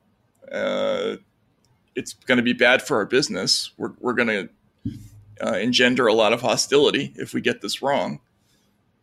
And I started to write that, and immediately I got all this criticism, like you're you're you're helping Donald Trump, you're you're turning into a right winger, which is was totally inaccurate. Uh, but that's what happened, and that's that's kind of been the pattern for the last five years for a, a growing segment of the media, which is you know, there's a whole bunch of us who are just trying to stick to traditionally what the job is. Yeah. And when we do that, uh, we, you know, we get accused of taking sides. Whereas what we're exactly what we're not doing is taking sides. We're trying to not take sides. Yeah. So there's this big confusion. I, I mean, I'm, I don't know if it's happening in Europe. It's, it's a big thing in America though. This whole idea of you either, you're either with us or against us. Well, there is hints of Americanism in Europe. Uh, there's in in the people are trying to make it an issue. It's not really an issue. Uh, Mm. Most media is fairly neutral. Uh, Mhm. I guess in you can't see, really say Europe. I mean, Europe is not a a thing. It's Right, a no, I understand that. I mean, Yeah. even Italy is like 50 countries in one. So, Right. um, so in Norway, in in the UK, for, for instance, you have the BBC, which is fairly neutral. In Norway, you have NRK, which is fairly neutral. Um, but uh, so so looking at America, it looks it looks like the the aliens invaded. I mean, I, I don't just uh, when I was last in New York four years ago, it was fun to just sort of watch American TV. It was crazy, even though I've seen a million shows. It was Yeah. crazy just turning on the TV. It looked like I was in the Truman Show and I was watching something fake. Like I didn't believe it. It felt like that because it's so foreign. It's just like I don't understand what I'm looking at. it, it, and you know what americans most of us are proud of how crazy we look to the rest of the world i mean it's um, it's it's part of our national character. We're we're we're a little bit not ashamed of that mostly right? Like i think i think deep down in most americans in, in the heart of, it, of any normal american um, we kind of get off on the fact that the rest of the world thinks we're nuts. Uh, but this is this is not a I think I think we've entered the territory where this is no longer funny. You know, uh, it's it's gotten to the point where it's it's crazy, but like a really bad version of crazy. Um, and I, I don't think it's curable either. Like, because the the the situation that we're in now is a little bit like it's like a a crazy commercialized American version of early '90s Yugoslavia, right? Oh, Like, interesting. you know what I mean? It's like it, it, it's it's a highly tribalized um, situation, you know, full of all these schisms in society um, that we keep just leaning on, right? Uh, like we like we want the country to split apart, and it it's just it's the opposite of how we used to act. Um, so it's it's interesting and scary. Uh, have you seen the? I'm, I'm div- uh, diverging a bit, a little bit from what uh, I was planning to talk to you about, but I just one thing I want to ask you when you mention it. There's a documentary called Hypernormalization. Mm-mm. Uh, I don't know if you've seen it. It's uh, I've seen it like ten times, and I come back to it again and again. It's just such an interesting take. It and the word is really interesting. It's it's a Russian word where uh, or it came from from a Russian novel, I think, where basically the situation in in the USSR was so crazy, and everyone was so sure they were being lied to, they just Mhm. accepted the lie because they Mhm. had nothing else, and they called it hypernormalization. And it's a document. I strongly recommend you watch it. It's on YouTube. It's Um, a, is it a Russian one? Like, no, it's uh, I forget. It's a it's a um, it's an English uh, documentary. Um, I forget uh, Cur- Curtis. I forget his name. Um, Huh. But it's a, it's an amazing documentary, and it, it's also a take, kind of like your takes. So when you said that, I just wanted to to bring Mm-hmm. That's up the word. That's so uh, uh, can we talk about Vampire Squid a little bit? sure, yeah. um, how did that so when you when you wrote those two words Mhm. the world view of the most powerful and most respected investment bank changed permanently forever you Mhm. wrote those two it's kind of amazing but it's so it's it's like where, where first of all where did your insights come from and how does that go about like from being an outsider looking at the, the situation in, in, in the financial crisis and everything and, and and pinpointing the the one sort of source of maybe the worst behavior i guess is what you pointed Right. at and how do you come up with that word or the phrase So, okay, it's going to take a few minutes to explain. So, I was uh, before I wrote all that stuff. I was covering the presidential campaign that year. So that was um, John McCain versus Obama. And I don't know if you probably don't remember this, but there was a big spike in gas prices that summer. Yeah. And um, I was covering a McCain event, and McCain was talking about how we need to drill in the, in the Gulf of Mexico because gas prices are going up.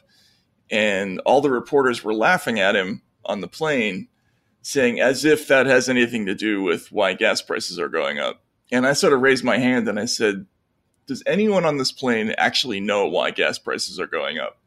And nobody knew. And uh, it hit me that that was pretty messed up that not one of the people who this is like the cream of the national political press corps, right? None of us un- understood economics. A few weeks later, when the financial crisis really got worse, when Lehman Brothers went under, you know, uh, again, I, I asked everybody, does anybody do, anybody understand why this bank is collapsing? Nothing. The, the, I was at the Republican convention in St. Paul when that happened.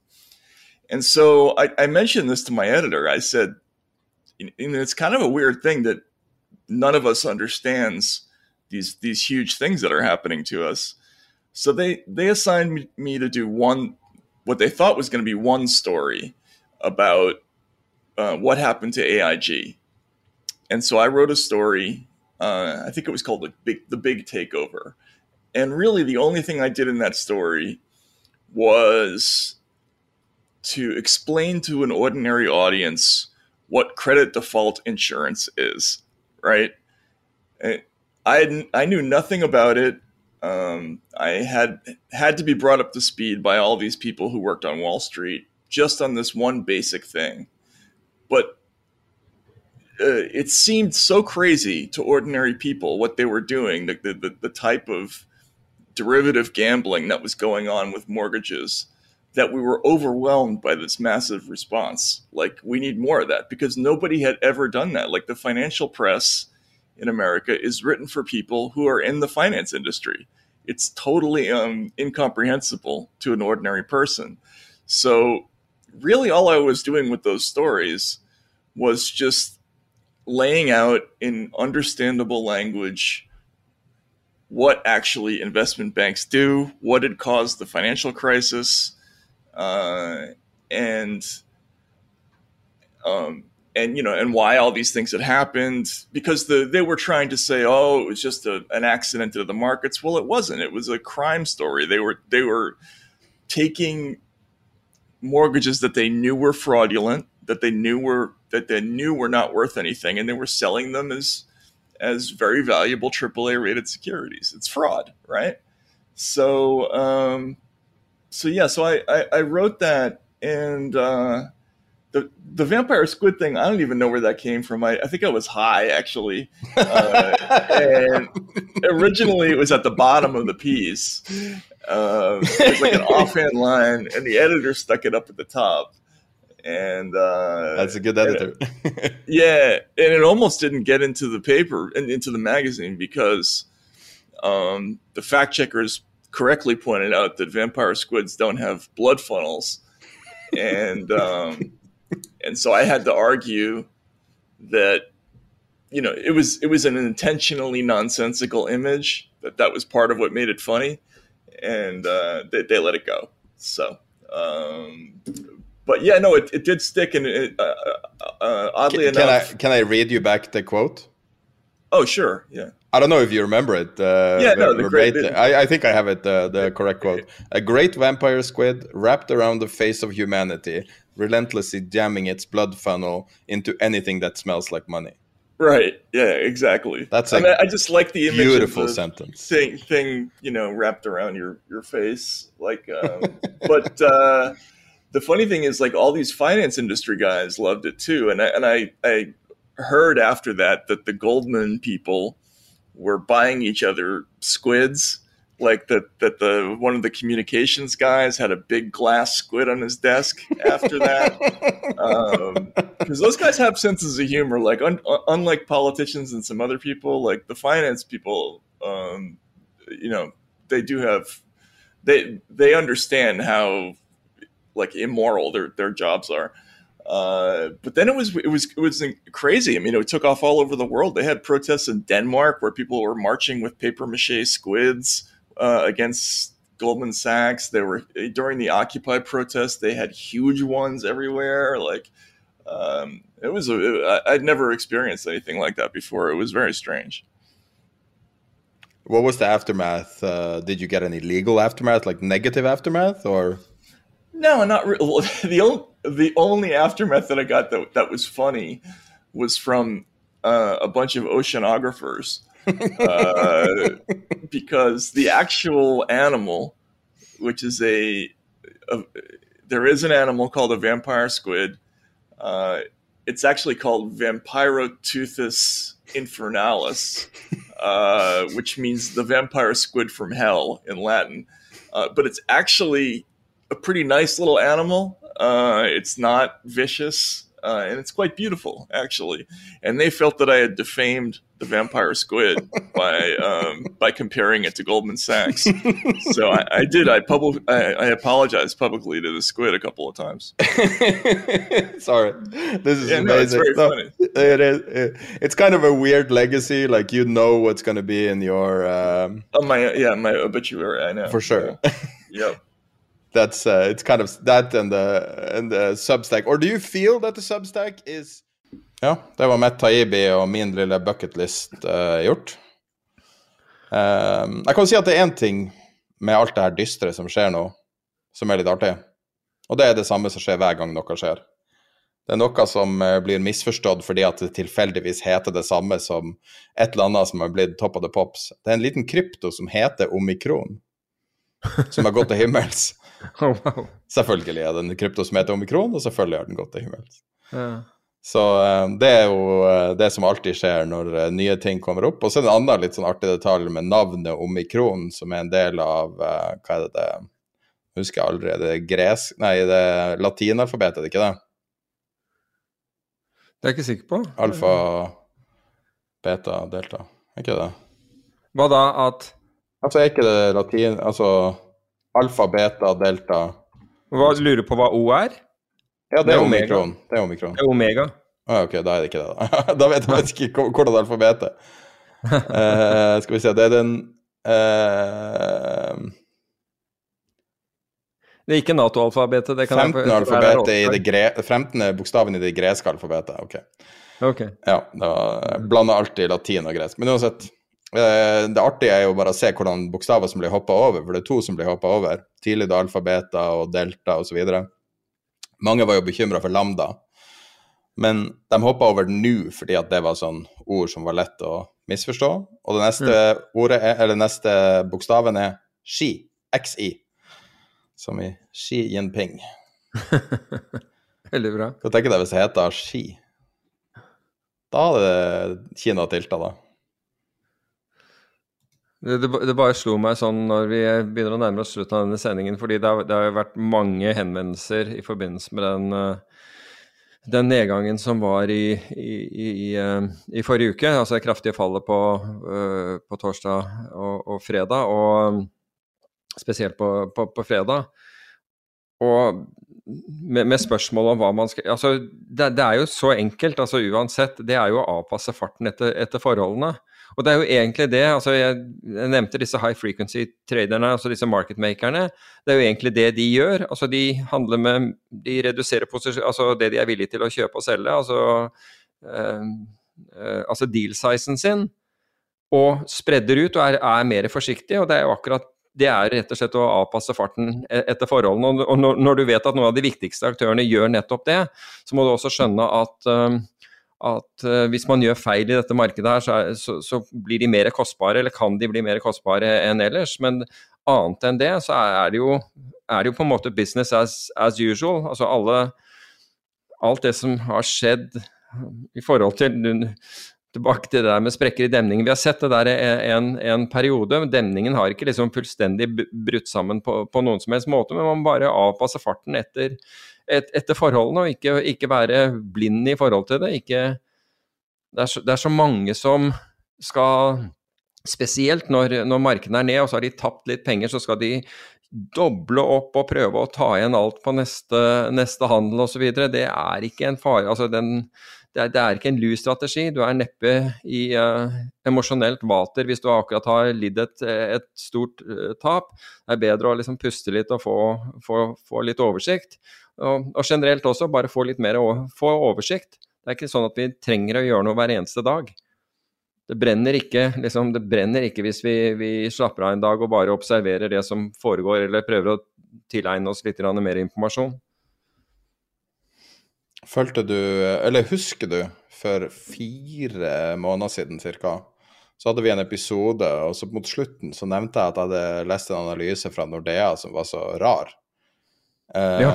Der uh, de uh, analytikere altså Nordea har jo veldig bra analyser. Den, de globale engelskspråklige analysene liker jeg godt. De bruker ofte å ha liksom, det har liksom internasjonalt preg i, i positiv forstand. da. Og så var det en analyse jeg leste, så hva er det det han konspirasjonsteoretikeren og konspirasjonsteoretikerne? For de begynte å omtale Joe Biden på en sånn måte som man ofte ser kanskje på Fox News eller noe sånt. Og det er en økonomisk analyse sendt ut til alle Nordea sine kunder i det segmentet. Og så og så, så, nevnte jeg det i podkasten, og så bare ja, ja, det var litt artig, for det er jo en ganske konservativ bank. Og, denne, og i forrige uke så ble det fullstendig helvete når de samme to folkene, da leder for strategi og leder for analyse, publiserte en ny analyse der de er uttalte vaksine- eller generelt covid-skeptikere, og det oser over av konspirasjonsteorier. Og nå er begge suspendert. To sjefer i Nordea. Jeg så den der eh, Banken ville ikke, ville ikke kommentere hvorvidt de jobbet der lenger. Det hørtes jo veldig dramatisk ut. Og analysen ble sletta. Nei, de sa i eh, De sa at de har en intern Den satte Bloomberg i var det i går? Nei, 26. Ja, det er jo noen dager siden. da. Jeg har ikke fått med, Kanskje det er blitt verre. Den 26. var de suspendert, i hvert fall. Og vil ikke skrive noen flere analyser. for det var, Jeg tenker på Nordea var jo veldig negativ til krypto, for de var redd for renommeet. Mm. Men jeg må jo si at uh, vi advarte dem jo strengt tatt mot de her karene. De burde jo kanskje høre på podkasten. Det det. Ja, det, altså, vi ser jo det at det er, det er en del, del, i Nordea som hører på podkasten også, så, ja. men, uh, men, men, men det, verste er at de her er flinke analytikere, men det er litt ja, sånn dumt disse karene satt vel, satt vel i, i Helsinki, tror jeg også. Chief Strategist og Chief Analyst var deres tittel. Så yes. det er ganske heavyweight. ja, det er det. Det, det er vel i hele konsernet også. Uh, I går, nei, hva det er, går natt eller går morges eller hva det var, så fikk jeg en sånn fiks idé, for jeg satt og så på opptak av uh, det andre matchen i, i sjakk-VM. Uh, og uh, veldig mye glede av det. Og så så jeg at uh, Jeg la merke til sponsorene deres, at det er litt andre sponsorer enn det man kanskje forventer å se i et sjakk-VM. Så jeg tenkte at jeg skulle bare liksom, på tull lage en portefølje av det. Og for å tracke hvordan det går. Tjener du penger på å sponse sjakk-VM? For det er jo en internasjonal arena. Så det er jo litt sånn relevant å se f.eks. en ukjent krypto. Kan den stige masse i verdi? Bare med å være assosiert med Magnus Carlsen og, og, eh, ja, og hele verden. Eh, så jeg, begynte, så jeg lagde en portefølje da, og det viste seg jo at å sette opp pair trades for å prøve å isolere effekten av noe sånn, er litt vanskeligere enn jeg trodde. Eh, har du sett på den jeg lagde? Nei, jeg bare, bare så litt, grann på den. Um, tenker du at jeg sånn i, i forhold til hvordan hvordan man skal sette opp pair-trades, eller hvordan man faktisk gjør det i praksis. Ja. Så kan jeg gå gjennom Altså, du kan si at for det første bør vi forklare pair-trades uh, her, og det, det, er jo når du går long eh, det du tror skal gå opp, og short det du tror skal gå ned. Det er en, det er en pair trade. I hvert fall hvis, hvis f.eks. det er to selskaper innenfor samme bransje. Det ene tror du skal utvikle seg veldig dårlig, det andre veldig bra. ikke sant? Så går du long den som skal utvikle seg bra, short den som går eh, den du tror skal gå dårlig. Um, det, så, så, vidt jeg kunne se på arket du ikke hadde tatt uh, hensyn til, det, det er flere ting.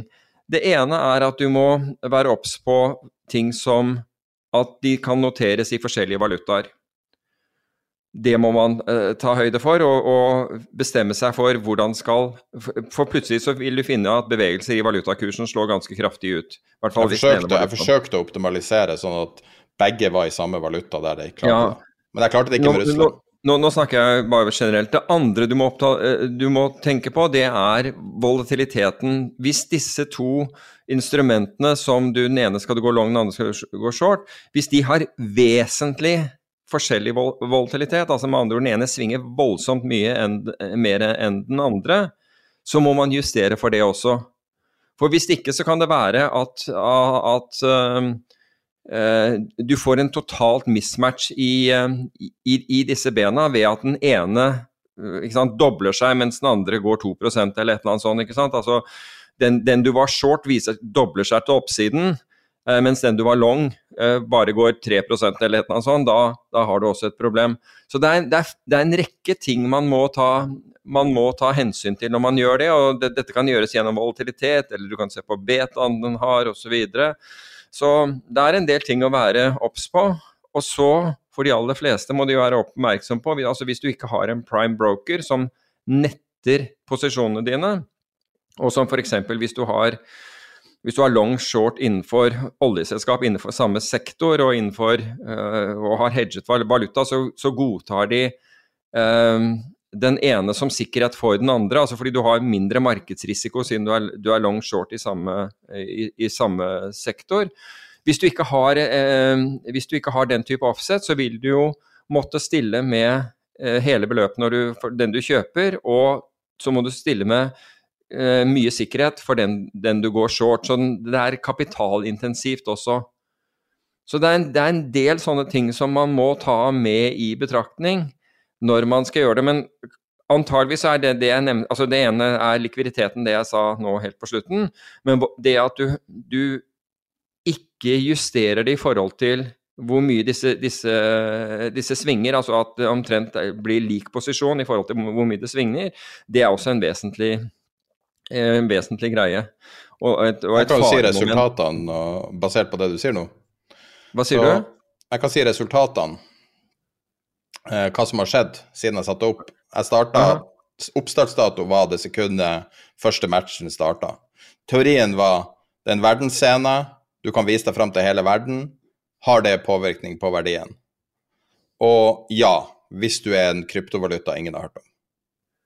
Algorand har jeg ikke funnet noen som har hørt om før det her, som er da den tydeligste logoen bak dem hele tida i fire-fem timer, med hele verden som publikum, og mange nerder også, som kanskje er, graviterer mot krypto. Nettopp. Den er opp eh, 4,7% siden første matchen starta. Uh, så da er det tenkt investering i 200 000 long, 200 000 short i alle, bare for å ha et tall. Uh, og da har jeg tatt Meltwater long, som er et norsk selskap, og så OBX Future and Short.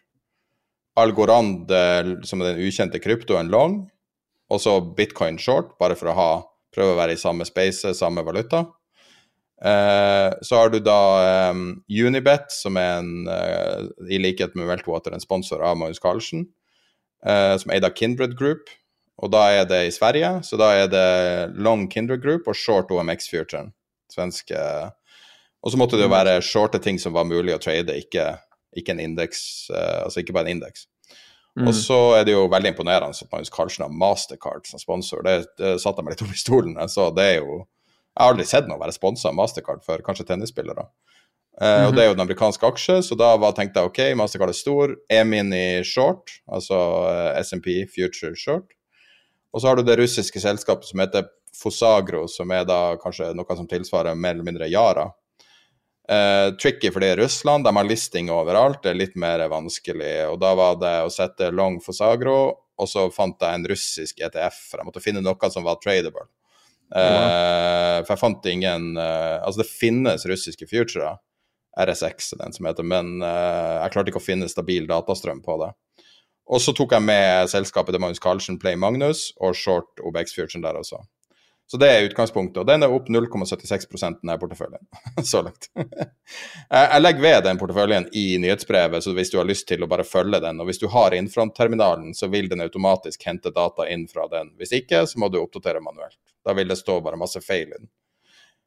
For denne, denne uh, porteføljen tar utgangspunkt i at du bruker en infrontterminal og automatisk henter data inn jeg hadde klart ikke å finne en troverdig, altså langsiktig måte på å finne prisen på Algorand, så den, nå er det lettere å bare oppdatere den manuelt. Jeg syns bare det var artig å prøve å tenke en metode. Det var, det var derfor. Ja, ja, ja. Det bør vel på, altså, være nøye med å påpeke at dette er ikke noe anbefaling ikke. Eh, gjort av oss. Altså, det, dette er en, en, en, portefølje som ble satt opp med de kriteriene, og det er på ingen måte en anbefaling for noen å, å, å, å følge. Det er mer en akademisk øvelse, ikke sant. Ja, for Jeg prøvde bare å illustrere et poeng, og det sekundet jeg begynte å sette det opp, ja, opp, så tenkte jeg shit, jeg vet ikke hvordan jeg gjør det her. Jeg vet ikke helt hvordan jeg skal Så jeg måtte tenke masse og chatta med deg og styrte og herja, mm. og til slutt kom fram til noe som virka brukende. Men jeg må jo si at ingen har ikke tatt med kostnad på shorting. Nå vil jo det gi negativt utslag. den-.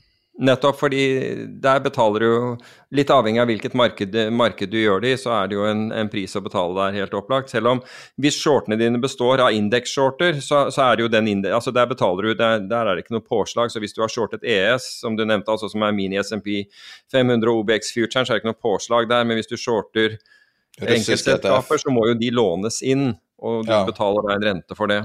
Den ETF-en som heter Vanek Russia ETF. Akkurat. Er det, Ja, den er vel litt, og så bitcoin koster vel å shorte. Ja.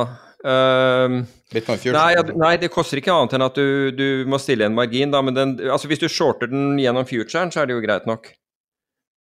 Eh, Det er en måte å gjøre det på. Apropos, så kom jeg på Det var noe jeg leste for ja, et par måneder siden, og siden du nevnte nevnte sjakk nå, og det var at, at, at tidligere så var det så var en trading i markedene eh, det, det, altså det var å sammenligne med amerikansk fotball. altså Du fikk deg smeller og, og, og, i hvert fall fra tidligere det, det at du hadde et volum, altså stemmevolum og var ganske aggressiv, hjalp mye. Men det var noen som kommenterte at eh, dagens trading var mer likt lik, eh, likt sjakk enn amerikansk fotball, som det var tidligere. Og det er, nok, det er nok noe i det, for det er blitt mye mer cerebralt i og med at vi har i og med at vi har algoritmer og, og, alt dette her som på en måte styrer mye av, eh, av handelen for tiden.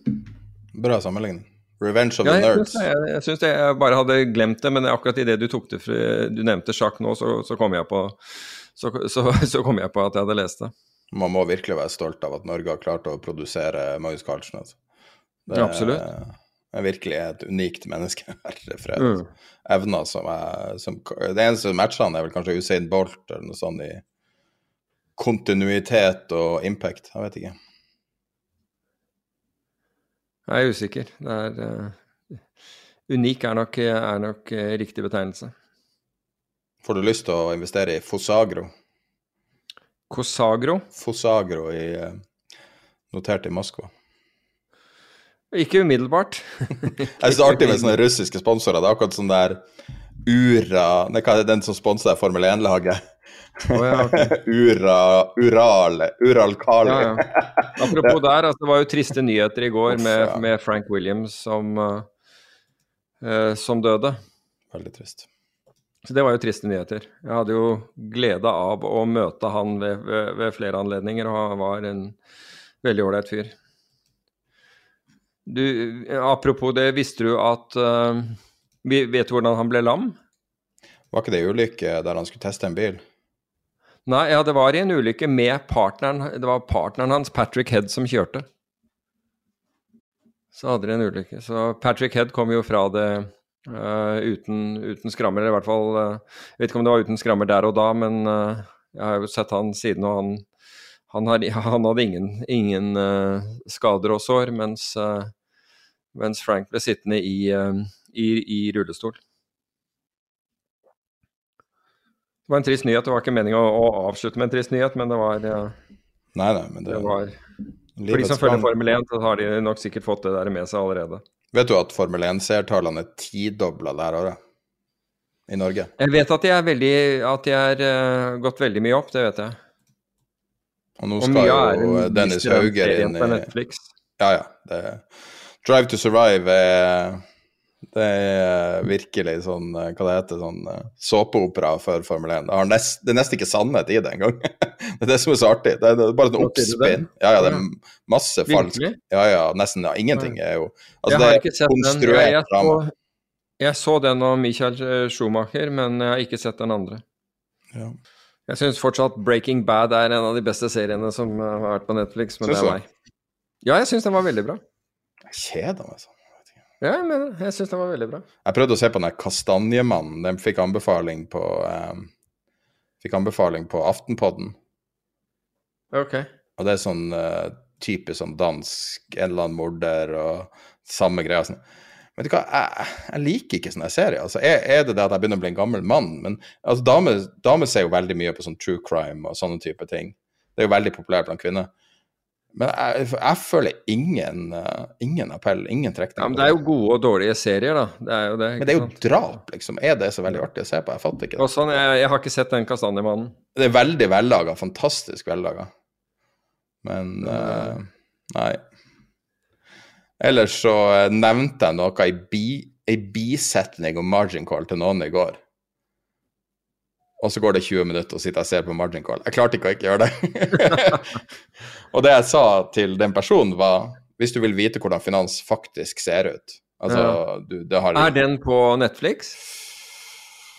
Jeg hadde den på uh, et kjøp på en tjeneste. Jeg tror jeg kjøpte den på YouTube. Ok. Men uh, det er vel tiende gangen jeg har sett den. så det får vel være Jeg tror jeg bare har sett den én gang, men jeg syns den var bra. Ja. Men da tror jeg vi kanskje runder av uh, denne episoden.